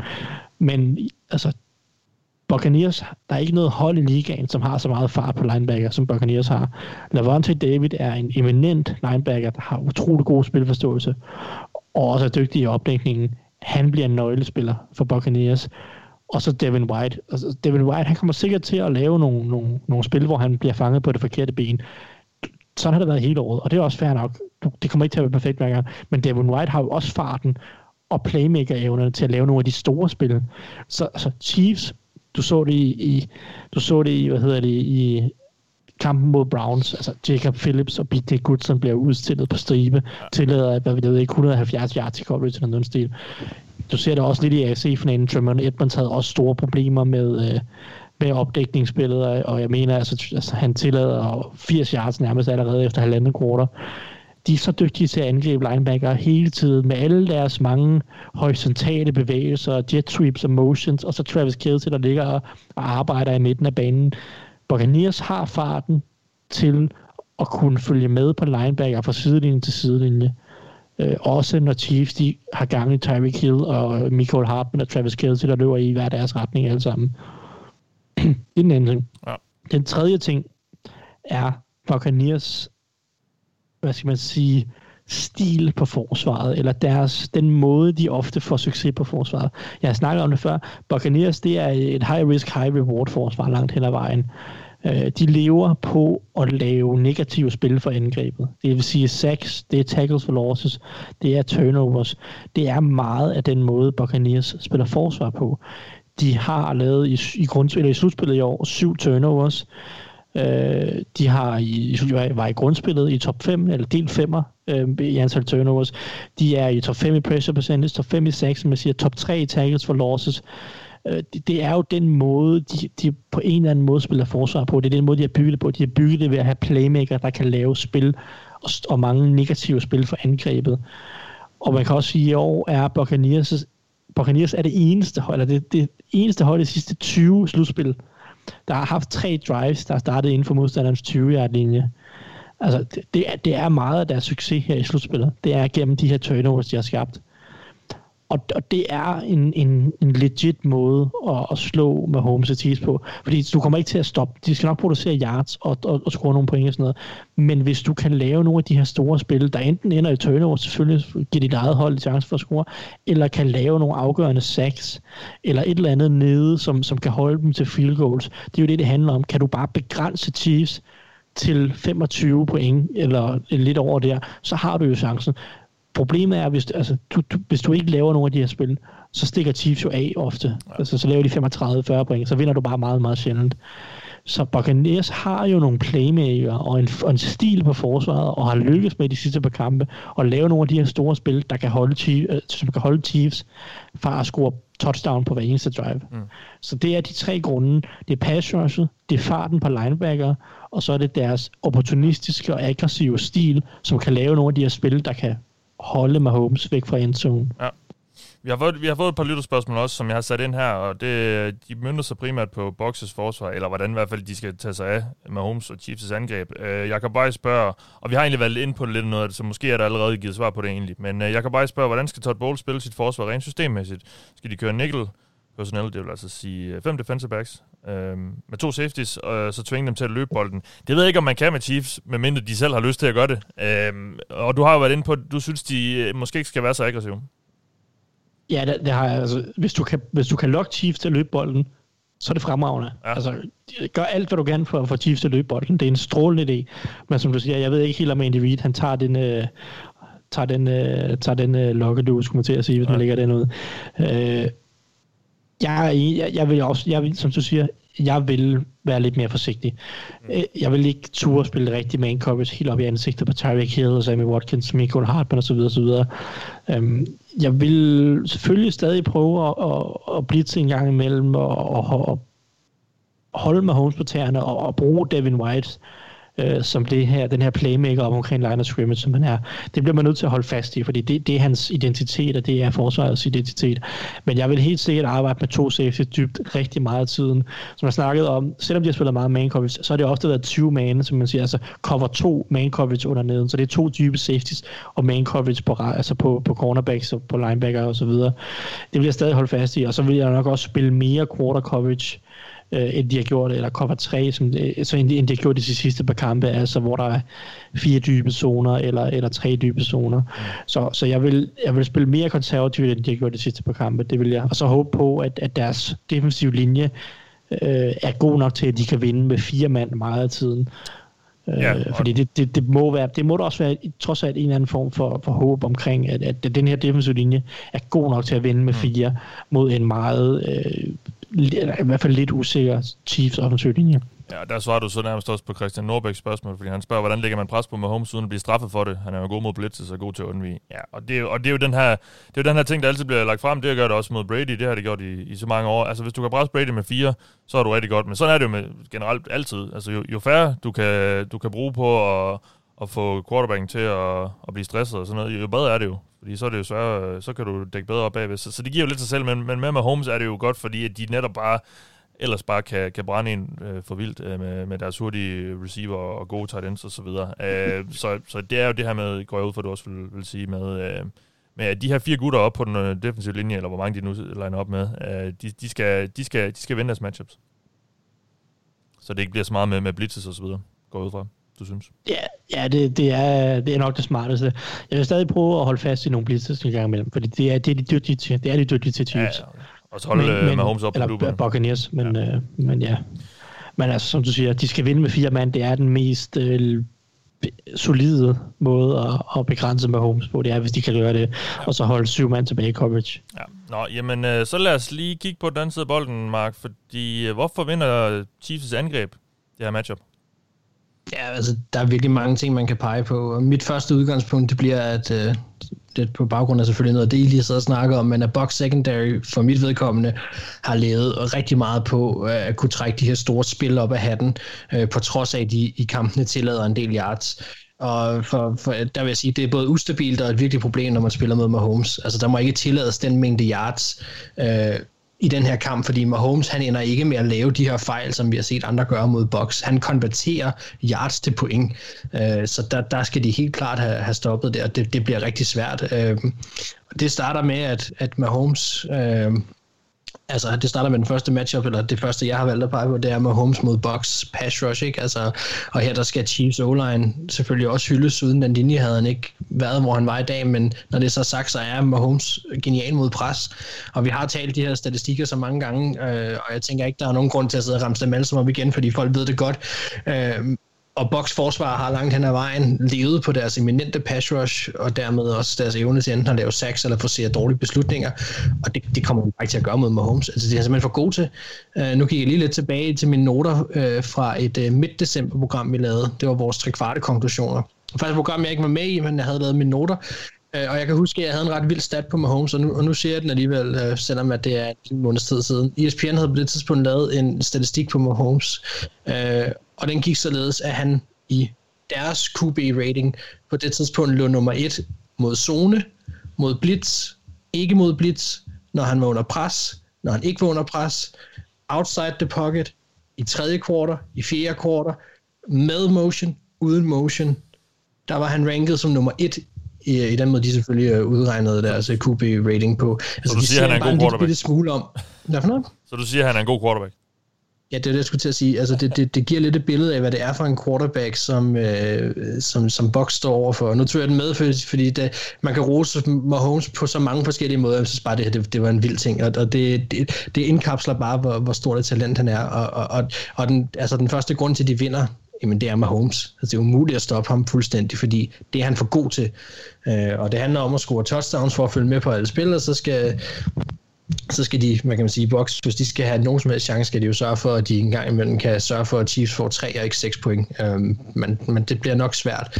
Så første årsag er selvfølgelig Patrick Mahomes. Kommer vi til nummer to, det er jo så Travis Kelsey, den mest dominerende tight end i år. Og hvis ikke det var for Gronks vanvittige karriere og nogle af de sæsoner, han har sat sammen, så ville man nok også sige, at det var den mest øh, dominerende tight end i nyere tid. Altså han kan det hele. Han har fart for sin størrelse, sikre hænder, er enormt klog på spillet, og så er han bare enormt tæt forbundet på banen til den bedste quarterback, NFL nogensinde har set. Og det er et ret godt udgangspunkt. Øh, og han er så den ene drivkraft for angrebet. Øh, og der vil jeg så sige, hvem alt der skal dække ham op. Og der fokuserer jeg så en lille smule på Lavante David her. Uh, Lavante David mod Kelsey, det er et matchup, som jeg godt kunne se Kelsey komme til at dominere. Lavante David har i den grad spillet en god sæson. Det, det det kommer jeg ikke til at sige, at han ikke har. Og man må også sige, at han har fået en del hype for det. Øh, og jeg, jeg tror dog bare, at der er nogle boxfans, der nok kunne komme til at sidde tilbage og være en lille smule overrasket efter den her kamp. Altså kigger man på Davids coverage grades over sæsonen, og nu er jeg gået over i PFF, så har det altså været op og ned. Vi har snakket den helt gode ende af skalaen, vi har godt nok også snakket den helt ringe ende af skalaen. Og hvilke tre hold øh, har han mødt, hvor han så er blevet graded lavest? Raiders, Green Bay, og så ja, Chiefs. Mm. Og hvad er de så til fælles? Jamen, de har tre virkelig gode Titans, og så kan de som kan finde en zone. Ikke? I kampen mod Raiders, der tillod han 8-7 bolde at blive grebet ind over midten, inklusive et uh, touchdown til Waller. Kampen mod Green Bay, der var det godt nok ikke deres Titans, men slot receiverne, som, som var gode. Uh, og så endelig her mod Chiefs, der endte øh, uh, Kelsey sidste gang med at gribe 4 ud af 5 bolde med et gennemsnit på 10,4 yards per reception. Altså, det, han kan ikke lukke ned for ham. Uh, Mahomes kommer ikke til at være bange for at se Kelseys uh, øh, vej, selvom Lavonte David skulle være i opdækningen. Jeg tror snart tværtimod. Og jeg ved godt, at David er noteret for en enkelt interception i år. Uh, og ja, det kunne for kan, første øjekast sikkert for nogen være vidne om, at han er solid mod kastet. Uh, men på det jo se det spil, siger jeg så også bare, fordi det er da det er en bold, der bliver tippet op i luften som en ballon og lander i hans hænder, og det kunne lige så godt have været, været ind hos alle mulige andre. Så, så jeg vil sige, Travis Kelsey han, han kommer til at dominere den her kamp. Han har i hvert fald potentiale til at kunne dominere sit matchup i den her kamp. Ja. Og så kommer vi til det sidste element, og det er Tyreek Hill. Fordi når Todd Bowles han er færdig med at bekymre sig om, hvordan han skal stoppe den bedste tight end i ligaen, så kan han lige kigge ud på ydersiden, og så kan han finde til en af de mest unikke spillere, NFL har set. Altså Tyreek Hill, han er på mange måder alt det, som Travis Kelsey ikke er, og omvendt. Men de har dog nogle essentielle sammenligninger, øh, og det er selvfølgelig, at de har gode hænder, de løber nogle lækre hårder, og så har de med Holmes fulde tillid jeg, jeg, jeg bliver så dog lige nødt til at sige, at jeg har en lille bitte smule svært ved at sidde og gøre det her skal nu, og det er skam, skamros Tyreek Hill, for jeg tror næsten ikke, jeg kan finde spiller, som jeg bryder mig mindre om på et personligt plan.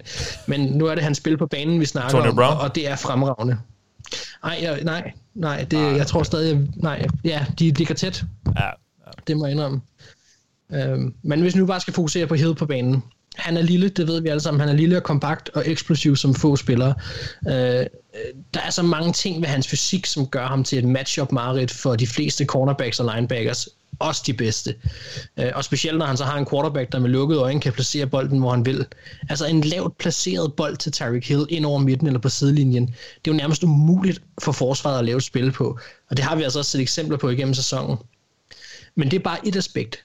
Altså hill carry princippet bruges rigtig, rigtig mange steder på banen, fordi det handler bare om, at bolden skal i hans hænder, for så er han en af de her få NFL-spillere, som med bolden i hænderne jamen der kan, der kan ske alt. Han kan tage den hele vejen, hver gang han har bolden i hænderne.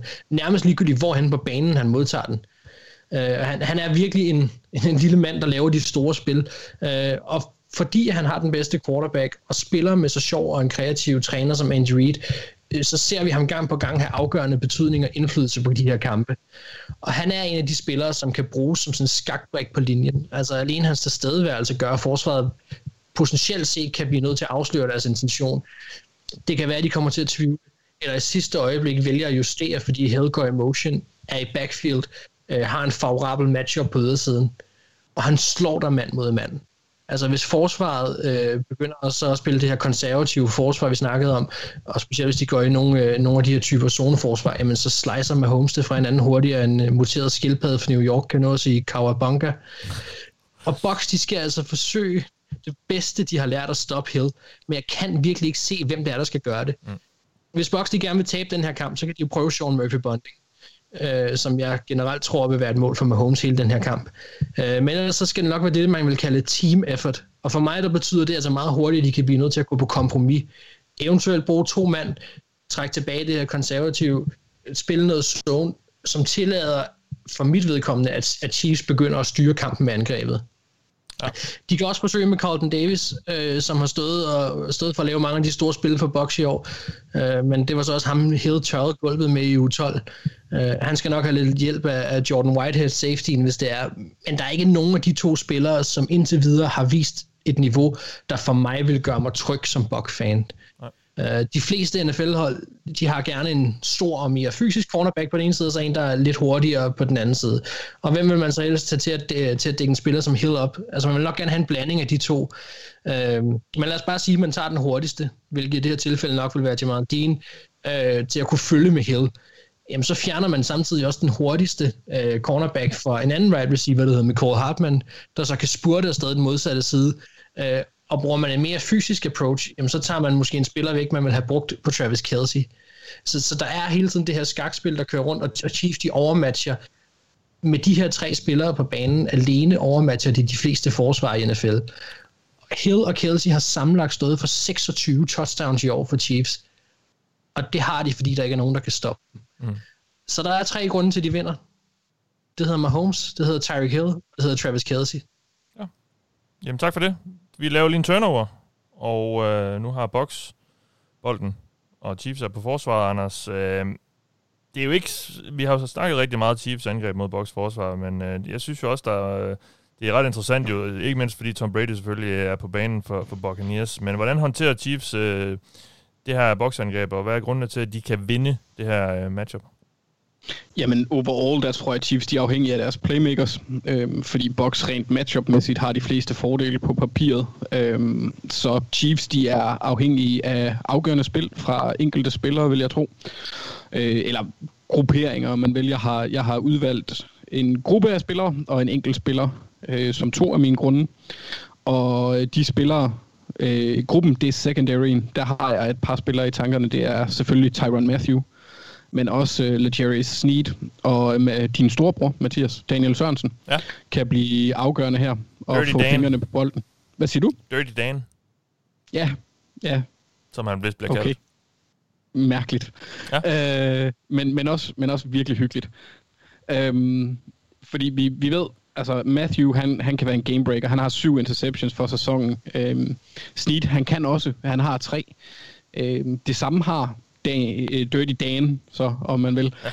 Øh, men der, hvor jeg tror, at han også kan gøre en forskel, det er, at han har tre forserede fumbles. Øh, to i regular season, og så en enkelt i playoffs. Og øh, jeg tror sammenlagt, en af de tre, de kan være, være ret kampafgørende, øh, hvis de får deres hænder på bolden. Og hos Box, de fumbler den ikke super meget. Øh, Tom Brady, han er deres største turnover-maskine med hans interceptions. Men hvis der skal komme en fumble, så skal den nok komme fra Ronald Jones, som, øh, som har to i år, og begge to på kastet bolde. Og der er safety show en, øh, rimelig central position til at komme ind og, og få lavet et peanut punch på den. Øhm, I forhold til spiller, øh, der, der tror jeg, at det, hvis Frank Clark han kan vinde sit matchup mod Donovan Smith, Øh, og som i mine øjne, han er bestemt til at tale med. Han er ikke en dårlig left tackle, men han er heller ikke en super god left tackle. Og, og Clark, han har heller ikke været en, en game breaker i år. Øh, på siden i hvert fald, men han er Chiefs primære øh, pressure artist, om man vil. Og så kommer han fra en kamp mod Bills, hvor han, han lavede to sacks, og det tror jeg altså godt, han kan gentage mod Smith, selvom Tom Brady han slipper bolden hurtigt. Fordi når de så tager det der dybe skud, som Tyson snakkede om i forhold til øh, matchuppet med Juan Thornhill, så har Chiefs øh, edge rushers en mulighed for at komme ind, og der tror jeg, Frank, Frank Clark han bliver central. Ja. Og mit sidste punkt, det er Steve Spagnuolo deres defensiv koordinator. Han øh, har tidligere vist, at han ikke er påvirket af Bradys aftale med djævlen. Og så kan han sammensætte en gameplan, der kan sætte en, altså virkelig hæmme Brady i stor grad. Og med Chiefs effektivitet på angrebet en mente, så kræver det ikke mange gode spil, før det tipper til Chiefs forsvars fordel. Øh, eller bare holdet generelt. Jeg tror ikke, at det er mange spil, de bliver nødt til at lave, før Chiefs de har mulighed for at løbe væk fra, fra box. Så min grund til sejr for, for Chiefs forsvar, fordi jeg tror ikke, at de som sådan vinder øh, matchuppet i en sammenlagt, men de kan godt, de kan, de kan vinde slagene, et par slag, men de vinder nok ikke krigen der øh, på offense mod forsvar, men secondary kan lave spil, Frank Clark kan lave spil, og Steve Spagnuolo, han kan sætte en plan op, der kan frustrere Tom Brady. Ja, modtaget. Og, og når det er vinder, og det er jo svært for et forsvar, det, når man tænker vinder, så er det tit noget med, med, med point og så mm. videre. Mm. Det, det er jo klart, det kan forsvar ikke score, men jeg tænker, tanken er jo også lidt, at at det var det her med, hvordan, altså, hvordan kan den her den ene enhed få taget på den anden, øh, på den ene eller anden måde. Øh, og for et forsvar yeah. handler det jo tit om, at, der handler det selvfølgelig om at, at spolere angrebets øh, planer. Øh, men Thijs, øh, hvorfor vinder Box den her, den her matchup, når, når de her to enheder er på banen? Jamen, øh, du beder mig om at finde tre grunde. Og øh, de tre grunde kan jo øh, let associeres med, når Anders han har øh, set på svensk pølseret, og de tre er, det er, øh, det er eks- eksplosivitet, en tight end, og så øh, god beskyttelse. Øhm, ja. Og hvis vi starter med den gode okay. beskyttelse, så, øh, så, er jeg jo så, så er jeg lidt usikker på, hvor godt Chiefs' uh, pass rush egentlig er, om det er godt nok til at komme ind til Tom Brady. Vi så i NFC-finalen, hvor jeg var overrasket over, hvor lidt pres Packers fik på Tom Brady. Uh, I alle i den kamp stod Packers for fem pressures og et enkelt sack. Uh, og det var jeg lidt skuffet over, jeg synes jo egentlig, at Packers har en god defensiv linje langt hen ad vejen, og også har haft en opadgående gode i, i deres pass rush, som jeg også snakkede om i optakten til NFC-finalen. Og jeg synes jo egentlig, at deres defensive på mange punkter, øh, punkter er bedre end Chiefs. Så ved jeg godt, at Chiefs måske har den bedste spiller øh, af de to hold med Chris Jones. Men jeg kan godt være nervøs for, om Chiefs de kan komme ind og få skabt pres på, øh, på Tom Brady mod Buccaneers' rigtig gode offensive linje. Fordi det må man jo også bare sige, at, at den har spillet ganske hederligt, den offensive linje øh, hos Buccaneers, øh, selvom jeg stadig mener, der er et par ømme punkter i, i kassespillet, så fungerer den rigtig godt, og Tom Brady gør rigtig meget for hele tiden at have den offensive linje øh, i de rigtige protections og i, i den rigtige sammenhæng. Så det er den første ting, det er, jeg, jeg, jeg er ikke sikker på, at Chiefs har rigtig pass til at komme ind til Tom Brady. Og Mark han nævnte også tidligere, at Tom Brady bliver markant dårligere, når der kommer pres på ham. Men når der ikke er pres på ham, så er han en rigtig, rigtig dygtig quarterback stadigvæk, selvom han er blevet, jeg ved ikke, 85 år eller noget stil. Øh, så det, det, det bekymrer mig på Chiefs vegne. Så vil jeg snakke om øh, eksplosiviteten, uh, måske, uh, for Chiefs.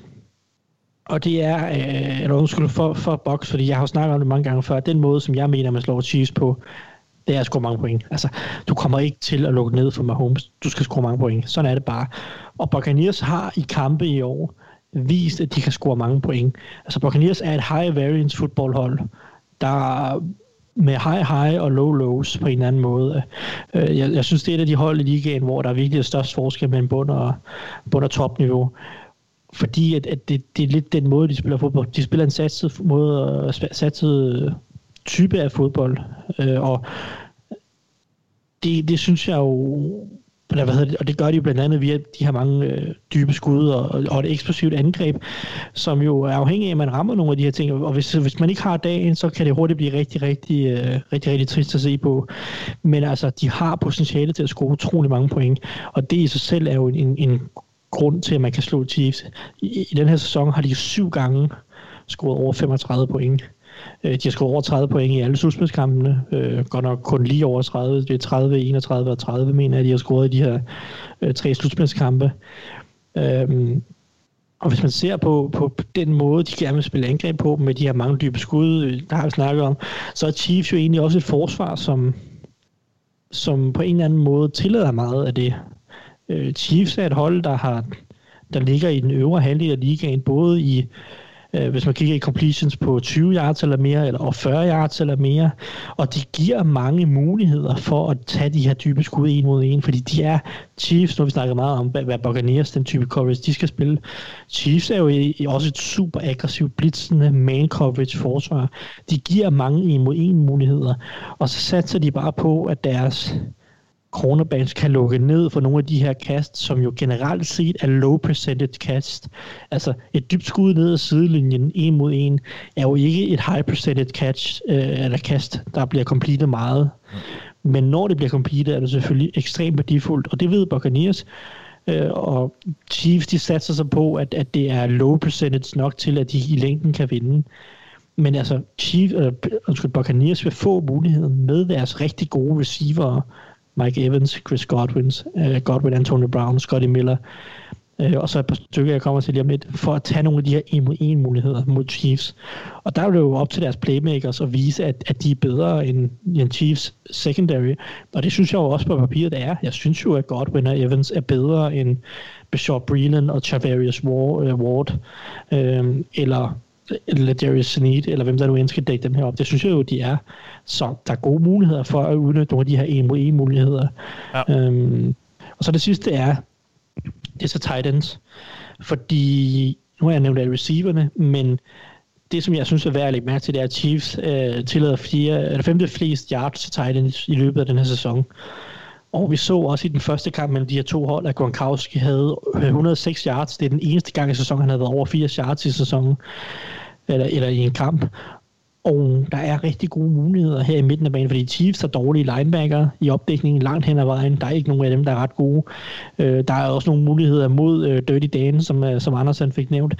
Øh, han er heller ikke altid fantastisk i opdækning. Og der er så nogle muligheder for en Rob Gronkowski, som vi ikke har set så meget til slutspillet, men som vi gjorde netop i U12, eller en Cameron Braid, som vi har set lidt mere til i slutspillet, 150 yards hen over de tre kampe, øh, og også et touchdown her i, i NFC-finalen.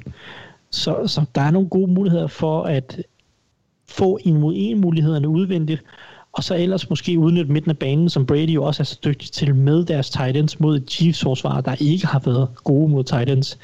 Så som sagt, tight ends, eksplosivitet og god beskyttelse, det er, det er ting, som jeg synes egentlig taler for, at Buccaneers godt kan sætte mange point på tavlen.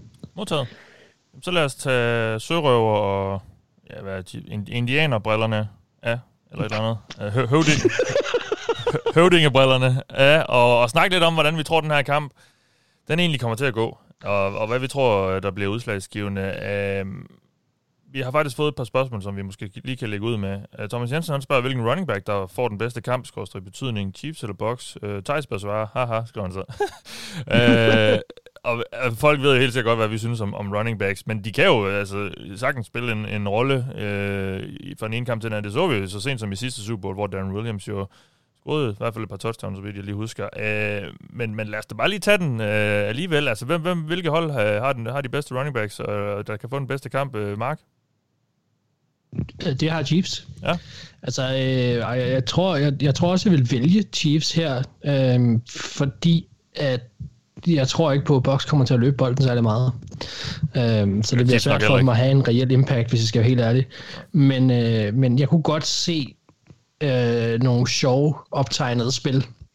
Gå til nogle øh, både screens øh, og øh, altså jeg, når jeg tænker på den her måde, så er det ikke nødvendigvis, at de i løbespillet får enormt meget impact, så er det lige så meget i kastespillet, og der synes jeg, der er nogle sjove spillere hos, øh, hos Chiefs, øh, som, som er lidt, øh, lidt frisky og, og sagtens kunne indgå i angrebet, som en, hvor man forsøger at, at skabe nogle matchups, øh, som er favorable for dem, øh, enten på en, øh, mm. på en linebacker eller, eller køre dem helt ud siden. Jeg, jeg, jeg vil ikke blive overrasket. Jeg, jeg tror ikke, at running backs kommer til at spille verdens største rolle i den her kamp, kamp, hvis jeg skal være helt ærlig. Det er også lidt farligt at sige, men det tror jeg ikke, det gør. Men hvis der skulle være et sæt running backs... Det er ikke farligt at sige. Ja. men, nå, nej, men de, de kan sagtens... Det er en kamp, så der kan alt jo ske. Ja, men, øh, og så lige pludselig er der en, der har løbet for 200 yards. Men altså, øh, jeg, jeg, jeg vil bare sige, hvis, hvis det skulle ske, så, øh, så tror jeg personligt, at det bliver for Chiefs. Øh, fordi der, der, der tror jeg, at den største kreativ, eller der ligger den største hvad kan man sige, uh, offensiv kreativitet, og det handler om at iscenesætte de her spillere på en måde, og de kan altså gribe bolde, de her Chiefs uh, running backs, og det, det kunne jeg godt se få en rolle. Ja. Thijs, uh, Thomas Jensen mener, du bør svare. Er du, er du enig med Mark? Øh, hvem der får størst betydning, det er jeg nok, men jeg vil sige, at jeg tror, at Buccaneers er dem, der vil involvere deres running back mest i form af de touches, de giver. Altså hvis, hvis NFC-finalen er nogen indikation, så er Buccaneers jo meget forhippet på at løbe bolden på første down. Og må ikke, at de også har tænkt sig at gøre det her i Super Bowl, fordi altså, hvis man kigger på Chiefs forsvar, så er det jo altså, effektivitetsmæssigt utroligt dårligt på løbet. Og det har det været det meste af sæsonen, det var det også sidste år. Øh, de er så meget bedre mod kastet, og det er jo det, der betyder noget, og ofte er de jo, de er jo sjældent i situationer, hvor modstanderne kan tillade sig at løbe bolden helt vildt meget. Øh, men jeg vil tro, at Buccaneers de kommer ud og prøver at løbe bolden faktisk i mm. starten af kampen. Og øh, på den måde, så er der der potentiale for, at det bliver nok Leonard Fournette, der kommer til at løbe bolden mest. Så er der der potentiale for, at han kan producere noget. Men jeg er sådan set enig med Mark i, jeg tror stadig i sidste ende, at Chiefs running backs får mest betydning for kampen, fordi at de kan noget i kastespillet, som hverken Fournette eller Ronald Jones har vist i år. Ja. Lad os lige tage et spørgsmål også fra Finn Lindstrøm. Han øh, skriver, nu har vi noget af et matchup på banen mellem Holmes og Brady. Men hvordan ser det ud på sidelinjen? Hvordan vurderer I Reed, Bianemi og Spagnuolo mod Arians, Leftwich og Bowles? Og så skriver han også, kommer special teams til at betyde noget? Lad os lige tage trænermatchuppet først, og vi kan måske skære det lidt op i, i små stykker og tage en af gangen. Hvilken headcoach vil I helst have, Andy Reid eller Bruce Arians? Anders? Det er Andy Reid, uden tvivl. Ja. Altså, jeg elsker Bruce Arians, men uh, Andy Reid, han er bare, uh, altså, han, han, er, han er et unikum ja. på den offensive side, og hans uh, kærlighed for at tegne spil på diverse servietter rundt omkring i USA er bare virkelig, virkelig fed. Mark, er du uh, enig i det? Altså, jeg kan også rigtig godt lide cheeseburgers, Mathias. Ja. Og øh, jeg kunne da godt tænke mig en cheeseburger med, med Andy Reid. Ja. Jeg vil så sige, at vi, vi, står, vi står lige nu i en situation, hvor vi faktisk har to af de sådan hvad hedder sådan noget, uden at fornærme nogen fedeste træner, altså de, de ja. sejeste træner, ved ja, jeg, man skal ja, sige. Altså, de, klart. de, de, de, det er nogle ret cool fyre, vi har på hver side ja, af dem her. De er ret likable og, og sjove. Og, og også med deres impact på spillet. Altså, den ene er enormt aggressiv, den anden er enormt kreativ. Øh, og også selvfølgelig aggressiv, det så vi også i slutspillet. Men, men de spiller sjov fodbold. Ja. Øh, jeg vil nok øh, i, i, sidste ende vælge Andy Reid også, men, ja. men, men altså Bruce Arians, er en, ham skal man ikke underkende. Nej, lad os lige for god skyld høre, Thijs. Hvem vil du helst have som... Øh, hvem synes du er den bedste head coach? Ja, uden tvivl Andy Reid. Ja. Så lad, os, så lad os kigge på koordinatorerne. Eric Bieniemy eller Brian Leftwich, uh, Anders? Øh, øh, jeg det, er jo, det, det er jo svært her, fordi, ja, fordi det, det er to head coaches, der, der, der styrer, eller i hvert fald tegner de store linjer for angrebet. Leftwich har måske lidt mere skulle have sagt, end Bieniemy har. Og så alligevel, fordi man hører også Bieniemy, han rigtig meget kontakt med Mahomes daglig, øh, og, og kald, man kan også se, at han kalder spillet undervejs. Ja, men han står vist også for deres install og kalder deres øh, red zone angreb. Ja. Altså umiddelbart vil jeg jo sige, fordi vi har set mere over en længere periode fra Eric Bieniemy, at jeg vil vælge ham. Han er også den mere erfarne spiller, øh, træner og spiller. Nej, ikke spiller. Jeg tror ikke, han er mere erfaren som spiller. Men øh, som træner er han. Ja. Så umiddelbart vil jeg sige, at den går mm. til ham. Marker, Marker Theis? Altså, nu nævnte du lige, at vi havde to dominerende head coaches. Vi har altså også to dominerende quarterbacks, der også har deres mening og ja. er med til at, at, at lave spil her. Så vi har at gøre med to offensive koordinatorer, som har svært ved rigtigt at træde frem i lyset. Ikke? Så det er svært. Øhm, men, men Arians har jo så overladt alt til Leftwich, i hvert fald under kampen. Ja, men til gengæld så er Tom Brady der jo altså også... Ja, ja, det, det, ja. Jeg tror, jeg vil gå med Eric Bieniemy, ja. hvis jeg skal være helt ærlig, men, men øh, jeg synes faktisk, det er lidt svært at vælge mellem de to. Thijs? Enig. Ja. Så lad os kigge på defensive koordinator. Steve Spagnuolo eller Todd Bowles, Anders? Jeg synes, de er meget, altså meget ens i forhold til, hvad de kan, og, og hvad de har præsteret, bortset fra, at Spagnuolo, han er jo faktisk har vundet øh, en Super Bowl som defensiv koordinator. Øh, det mener jeg ikke, Todd Bowles han har. Øh, men jeg vil stadigvæk give den. Jeg vil, jeg vil give fordelen til Chiefs-træneren igen, fordi han har præsteret på det højeste niveau. Han har lavet en gameplan, der ødelagde, øh, et historisk angreb og et historisk godt hold, og det, det, det er svært at tage fra ham. Ja. Mark? Jamen, så lad os uh, shake det lidt op. Jeg tager Todd Bowles. Jeg synes, jeg, jeg synes det han har lavet specielt i år, med godt, han har haft en længere karriere også, men, og været head coach og så videre, men jeg synes specielt det, vi har set i år for, for Box forsvar, det har sgu været sjovt. Og det er et sjovt forsvar, der er skruet sammen, og, øh, og, og det kan godt være, at jeg ikke er voldsomt fan af den måde, som de, de gør det på med de her store spil, men det er jo trods alt stadig underholdende at se, og, og ja, det ved jeg ikke. Jeg, vil, jeg tror, jeg vil give den til Todd Bowles. Nu tjekker ja. vi det lidt op. Jeg synes, det, det er lidt tæt igen. Thijs? Ja, men jeg tror, jeg går med Spagnolo. Ja. Uh, I hvert fald, hvis jeg skal bare skal vinde en enkelt kamp, tror jeg. Ja. Uh, jeg synes, han er rigtig god, som Anders også nævner, til at lave en meget uh, specifik gameplan til en kamp, altså vinde en kamp, og bare lave, have, nogle, have nogle funky calls og nogle overraskelser i, i posen. Øh, og så synes jeg jo egentlig også, at han maksimerer sit talent måske lidt bedre. Eller, jeg synes ikke, altså, jeg synes ikke, Mark, uh, Bowles ikke maksimerer sit talent. Jeg synes bare, han har mere talent at arbejde med, Todd mm. Bowles, end, end Spagnolo har. Og jeg synes egentlig, det er ret imponerende, så solidt det her Chiefs-forsvar er mod kastet, når man ser på deres generelle cornerback og linebacker, linebacker-gruppe. Så jeg giver den egentlig til Spagnolo. Ja. Der er altså et lille overtag der til Chiefs. Uh, han spørger så også, uh, kommer special teams til at betyde noget? Og det mener du så, Mark, i kraft af, at er ret dårlige. Både uh, i hvert fald til at tillade yards i, i return-spillet, uh, og så at Chiefs har Hartman. Så den, den har vi jo vendt, så jeg synes ikke, vi skal bruge noget tid på den. I stedet vil jeg bare høre jer, hvad kommer der til at ske? Uh, vi har snakket, som også jeg sagde lidt før, rigtig meget om Chiefs angreb mod box forsvar. Uh, Anders, er det der, den her Super Bowl bliver afgjort?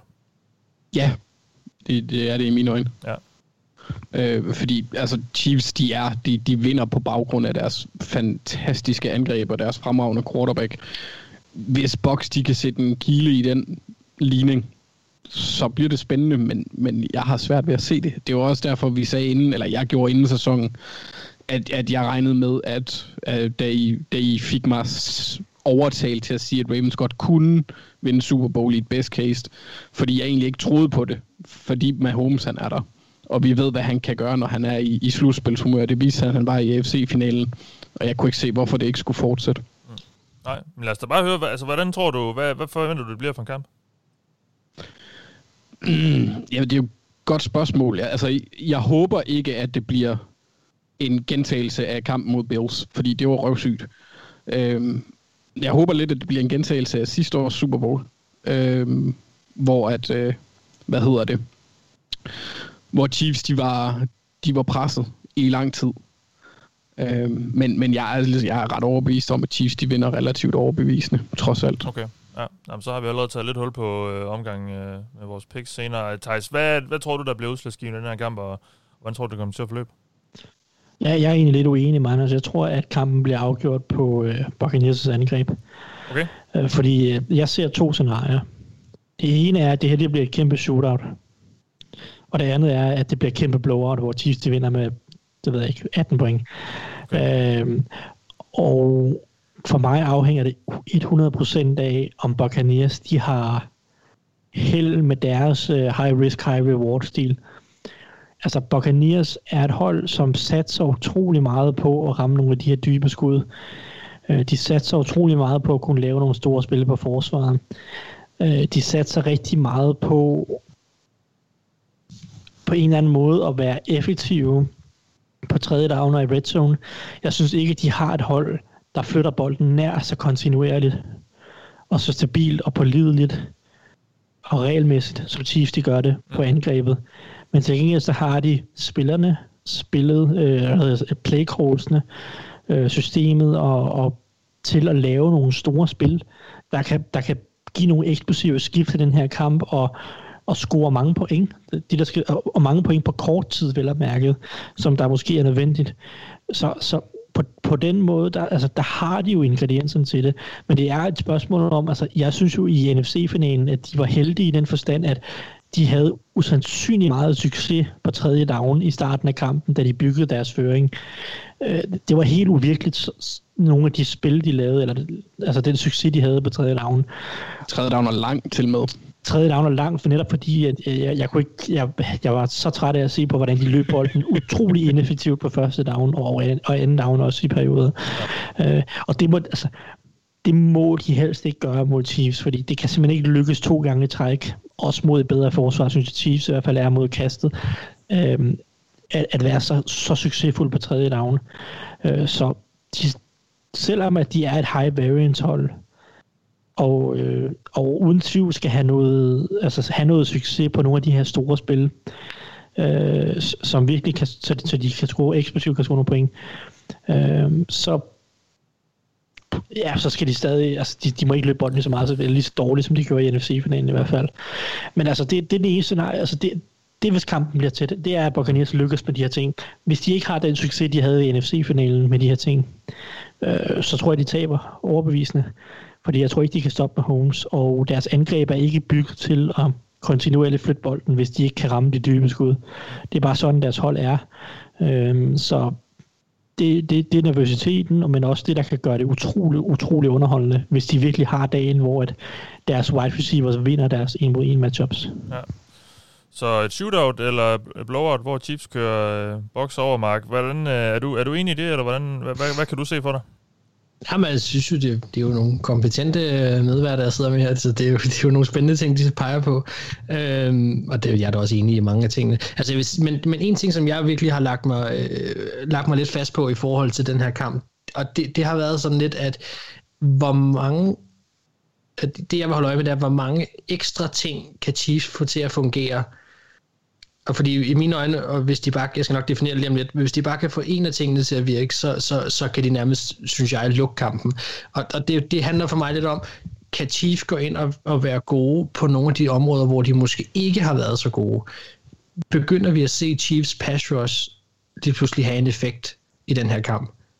For eksempel, kommer de ind og laver nogle store spil?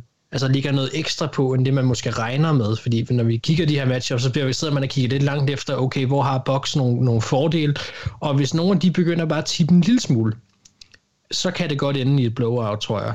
Øh, så der vil jeg holde, helt klart holde øje med det. Der snakkede jeg field position i, øh, i hvad hedder det, special teams før. Altså, det er øh, nærmest et spe, stort special team spil kan jo, kan jo nærmest ødelægge det hele, eller et kontinuerligt godt special team for Chiefs kan, kan virkelig gøre den her kamp øh, ensidig ret hurtigt, vil jeg sige. Men ellers så er det de der ting, som kan de lave de her spil, hvor vi ikke forventer dem, kommer der secondary lige pludselig ind og, og har en, en gameplan, som man ikke havde regnet med, øh, så skal der ikke særlig meget til og som jeg sagde til at starte med også, Box, de skal spille en perfekt kamp hele vejen igennem. Til gengæld, så har vi altså en Super Bowl nu, og det synes jeg er så fedt. Vi har en Super Bowl, hvor der står så rutinerede kræfter på hver side, ja. som i den grad, jeg, jeg tror ikke, der er nogen her, der kommer til at være bange. Jeg tror ikke, Bruce Arians kommer til at være bange. Jeg tror ikke, Todd Bowles kommer til at være bange. Mahomes og Andy Reid kommer ikke til at være det. Spagnolo gør nok heller ikke. Jeg tror, vi får fuld smadret, og det håber jeg virkelig. Jeg håber ja. virkelig, at, at, at boks, de kommer ind og tager røven på alle og kaster øh, på hvert, øh, nærmest på hvert spil, øh, går efter den på fjerde down i, i hele kampen. Altså, du ved, går aggressivt til værks og, og, og er udmærket godt klar over, at de ikke kan tåle ponte. Mm. Ja. Det er den kamp, jeg håber på, vi får. Øh, fordi så, så er der noget at spille om, og så, så, så bliver det sjovt. Altså. Ja. Jeg, jeg har det lidt ligesom dig, Thijs. Jeg er lidt bekymret for, at det godt kunne blive lidt blowout, men, men det, der så alligevel gør, at jeg jeg tror, at det så måske ikke helt bliver, det er altså, at det er Tom Brady, og han har bare stået der jo et hav af gange nu, og jeg ved godt, at han ikke kan gøre det alene mand selv, men han har bare spillet alle former for Super Bowl. Han har været bagud stort, han har spillet lavt scorende tætte kampe, han har øh, spillet kampe, hvor det hele blev afgjort på et field goal til sidst, og han har spillet i, i shootouts, hvor det så også endte, i hvert fald mod Eagles, med, med at blive nederlag. Altså, og han, selvom han er gammel, og han ikke er, hvad han har været, så, så jeg tror bare ikke, han, han, giver, han giver bare aldrig op, og han, han, kan bare, han har bare noget magi. Øh, det så vi mod Packers ved en kamp, som jeg ikke troede, de ville kunne vinde heller, men det, det, det gjorde de jo så. Øh, så, så jeg, jeg, jeg synes, det, jeg, jeg tror godt, det kunne blive et, en rigtig fed kamp, øh, men jeg tror også, uh, Chiefs vinder. Øh, det, der, det, det, jeg er spændt på, det er det her med, med pass rushet på, på Mahomes, fordi for Niners gjorde det sidste år, men de gjorde det bare ikke i en hel kamp, og jeg tror bare, jeg, jeg synes for Niners, det de stillede op med sidste år mod Chiefs, det var bedre end det, Buccaneers har nu. Øh, så er Chiefs linje så også blevet dårligere end sidste år på grund af skade jo, så, så men jeg tror bare ikke, de kan holde det på hele, de kan ikke holde presset på ham hele kampen øh, og forvirre ham og presse ham, så, så jeg tror også, det ender med, at, at Chiefs til sidst øh, trækker det længste strå. Jeg ved ikke, om I har mere, øh, flere nuancer eller noget, vi lige skal vende, inden vi øh, tager et lytterspørgsmål mere. Jeg har en stat, hvis det er. Ja, bare kom. Øh, apropos det her med blowouts og, og Buccaneers, som er high variance, fordi nu nævnte jeg jo, at de syv gange i år har skruet over 35 point og så videre.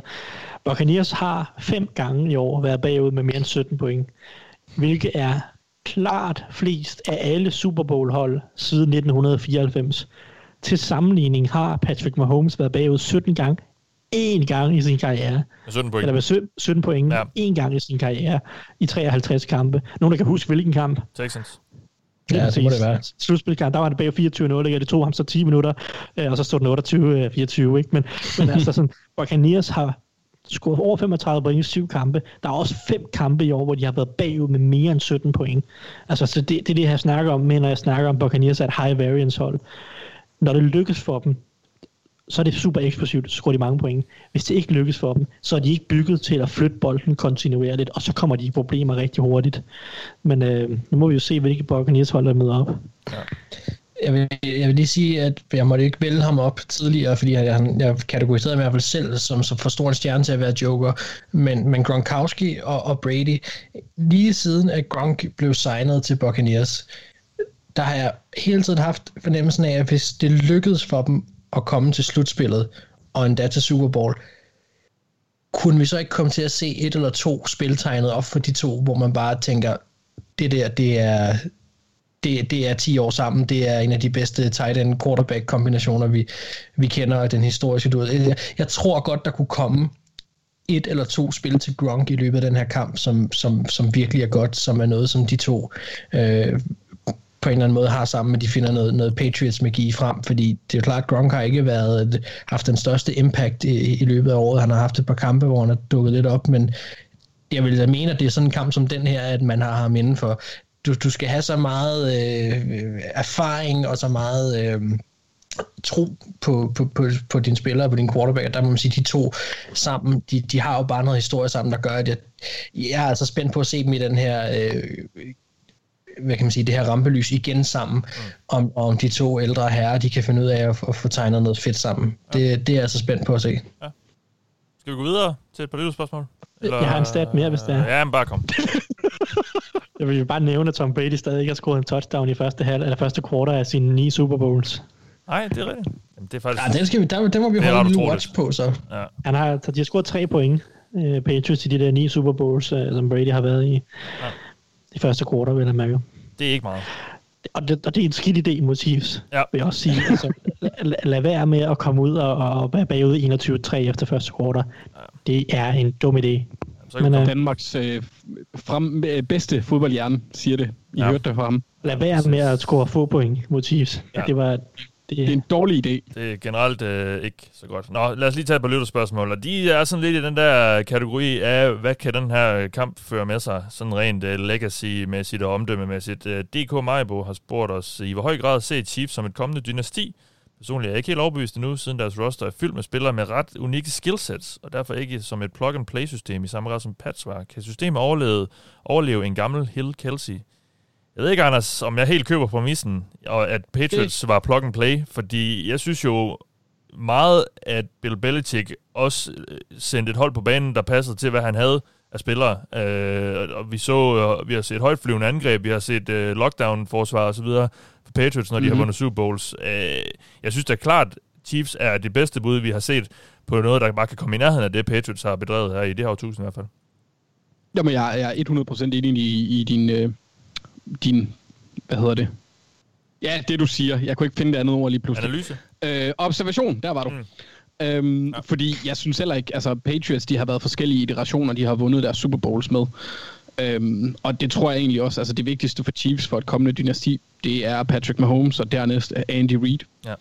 Øhm, I forhold til Hill og Kelsey, ja, de er super vanvittigt dygtige spillere, måske historisk, øh, ah, Hill er ikke historisk dygtig på samme måde, som Kelsey er på sin position, men hans fart er bare absurd.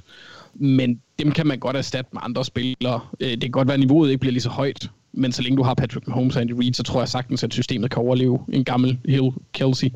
Ja. Øh, og også tilpasse sig. Fordi Andy Reid, han er, øh, han er et geni på den offensive side af bolden. Og det synes jeg ikke, man skal underkende. Mm. Øh, Mark, øh, hvordan, hvordan har du det med det her? Øh, og Chiefs, og er det et dynasti? Altså nu er de to Super Bowls i træk, og for, i, for, for to sæsoner siden var de i AFC-finalen, øh, hvor en, en åndssvag overtidsregel gjorde, at øh, Mahomes i hvert fald ikke fik muligheden for at spille dem i Super Bowl. Altså jeg synes, at det, det, det kunne sagtens ende derhen, hvor, hvor Patriots er, er nu. Ja, altså man skal passe på med at gøre de her ting til floskler, som man bare kaster omkring sig med. De skal ja. jo helst gerne betyde noget. Og, og, og, og man kan sige, at i sidste ende, ja, Chiefs kan sagtens blive dynasti. Det vil jeg også forvente, at de blev. De er det ikke nu, men, men de kan blive det. Øh, og det, det tror jeg da også, de gør. Ja. Så lad os uh, kigge lidt mere på spillerne, fordi uh, Jens, som jeg ikke har et efternavn på, han skal bare også på Twitter. Det behøver man ikke, når man hedder Jens. Nej, præcis. Det er sådan en meget, ligesom meget unik navn. Uh, ja. Jens, Jens spørger os, kan man forvente, at Tom Brady trækker sig tilbage, hvis han vinder, og synes I, han får nok anerkendelse for, hvad han har lavet i hans karriere, og kan Patrick Mahomes nogensinde overhale ham, hvis uh, han taber til ham i Super Bowl? Uh, jeg tror, vi er ret uh, enige om, at han helt klart får den anerkendelse, han skal have, Tom Brady. Uh, ja. Hvis han trækker sig vil jo ikke være mega overraskende, fordi manden er 43 år gammel, men øh, han er jo ret øh, opsat på at skulle spille, i hvert fald indtil han er 45. Jeg har lige set i dag, hvor han har været til, mm. øh, til preskonference, mens vi har snakket, og der var han blevet spurgt, om han kunne forestille sig at spille efter han var 45, hvor han så sagde definitely, og det kan man, hvis man ikke lige er skabt til engelsk, så kan man oversætte det til, til helt klart. Altså, så det, han lyder ikke som en, der er ved at, og ved at at stille skoene på hylden. Det hele kan jo så også være et kæmpe røgslør, men jeg tænker bare, hvis, hvis, der, hvis han gik med de tanker, og jeg ved godt, det kan, det kan være, at han ikke har sagt det til nogen overhovedet, heller ikke hans, øh, hans nærmeste. Så jeg, jeg tror bare, man har hørt lidt mere visken i krogen, og lidt mere snak om, kunne det være, kunne det være. Øh, det har bare slet ikke været overhovedet. Der er ingen tvivl om, øh, sådan, i hvert fald i, i, i, blandt de medier og journalister, der dækker NFL, og Tom Brady. Altså, jeg, at, jeg, at, at, at, jeg tror også, han har vundet sig tilpas meget til den der idé om, at man lidt ligesom Lucky Luke kan ride ud, af, ud i solnedgangen med den sidste Super Bowl. Jeg tror ikke, den betyder lige så meget for ham, som den gjorde for eksempel for Peyton, Peyton Manning, der også tydeligt var fysisk begrænset på det tidspunkt. Og der kan man sige, at Brady har haft mange muligheder for at ride ud, i, ud mod solnedgangen med en Super Bowl. Oh, jo, det har han. Altså, jeg vil sige, jeg, jeg, jeg, jeg tror, at Peyton, Tom Brady er en mand, som som spiller og er, er personlighedsmæssigt sådan en, som vil, hvis, hvis Box vinder i år, så får han endnu mere blod på tanden for at sige, jeg kommer tilbage næste år, vi kan gøre det igen. Altså, det, det, jeg tror nærmest, det bliver en mani for ham til sidst at finde ud af, hvornår han skal stoppe. Altså, fordi han kan nok hele tiden finde gode grunde til at, at prøve noget mere. Og, og vi har bare heller ikke set en spiller, der har passet på sig selv på den måde, som, som Brady har gjort. Altså, det er jo en kultur den måde, ja. han er og lever sit liv på. Mm. Og det tror jeg, det, det kan alle ikke bare gøre. Det, det, det, det kræver rigtig, rigtig mange forskellige facetter af ens liv, men han er gået, han er gået så meget all in på at være NFL quarterbacks, som jeg tror, nogen spillere øh, nogensinde har gjort før, og jeg er også i tvivl om, nogensinde kommer til at gøre igen. Og det har jo også været med, øh, fordi nu lå der jo det her, om, om Mahomes kan, kan overtage, øh, overhale ham. Ja det kan godt være, det er meget kontroversielt at sige, at det er jo enormt hypotetisk at sige, men hvis det handler om Super Bowl sejr, så tror jeg ikke, at Mahomes kommer til at overhale Tom Brady. Jeg tror ikke, der er nogen spillere, der nogensinde kommer til at overhale Tom Brady det tror jeg godt, han kan. i det, han har gjort.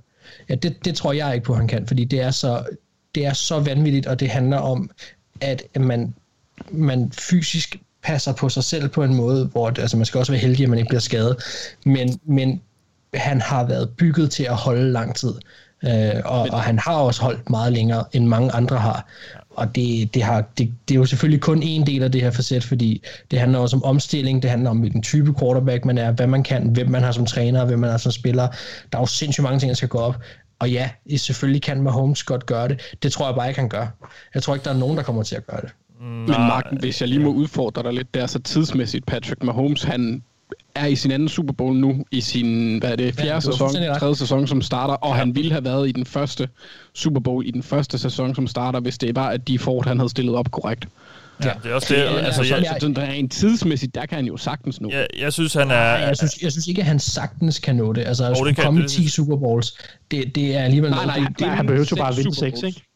Ja. ja, han behøver så vinde 6, det er rigtigt der. Det er rigtigt, men, men, men ja, så en det del af... ud fra det der med at nå op på 6, det kan han jo sagtens, sagtens og sagtens. Mm, mm, men sådan, det kan ja. han godt nå. Det, det, det, det, det, tror jeg, og jeg synes, jeg har faktisk, øh, allerede inden vi fik spørgsmålet, gået og tænkt, altså, altså for fanden, hvis, hvis, han stopper, hvis han vinder den her Super Bowl, han stopper karrieren, så er han en Hall of Famer med Holmes. Altså det, det er jo, vi, vi er derude i, hvor ekstremt det, det nærmest er, det, det, han, det, han, det, han har, det han har bedrevet i sine første tre sæsoner som starter der er ingen limit for, hvad han kan nå op på. Altså, altså han, er så meget, han er meget mere talentfuld, end Brady nogensinde har været.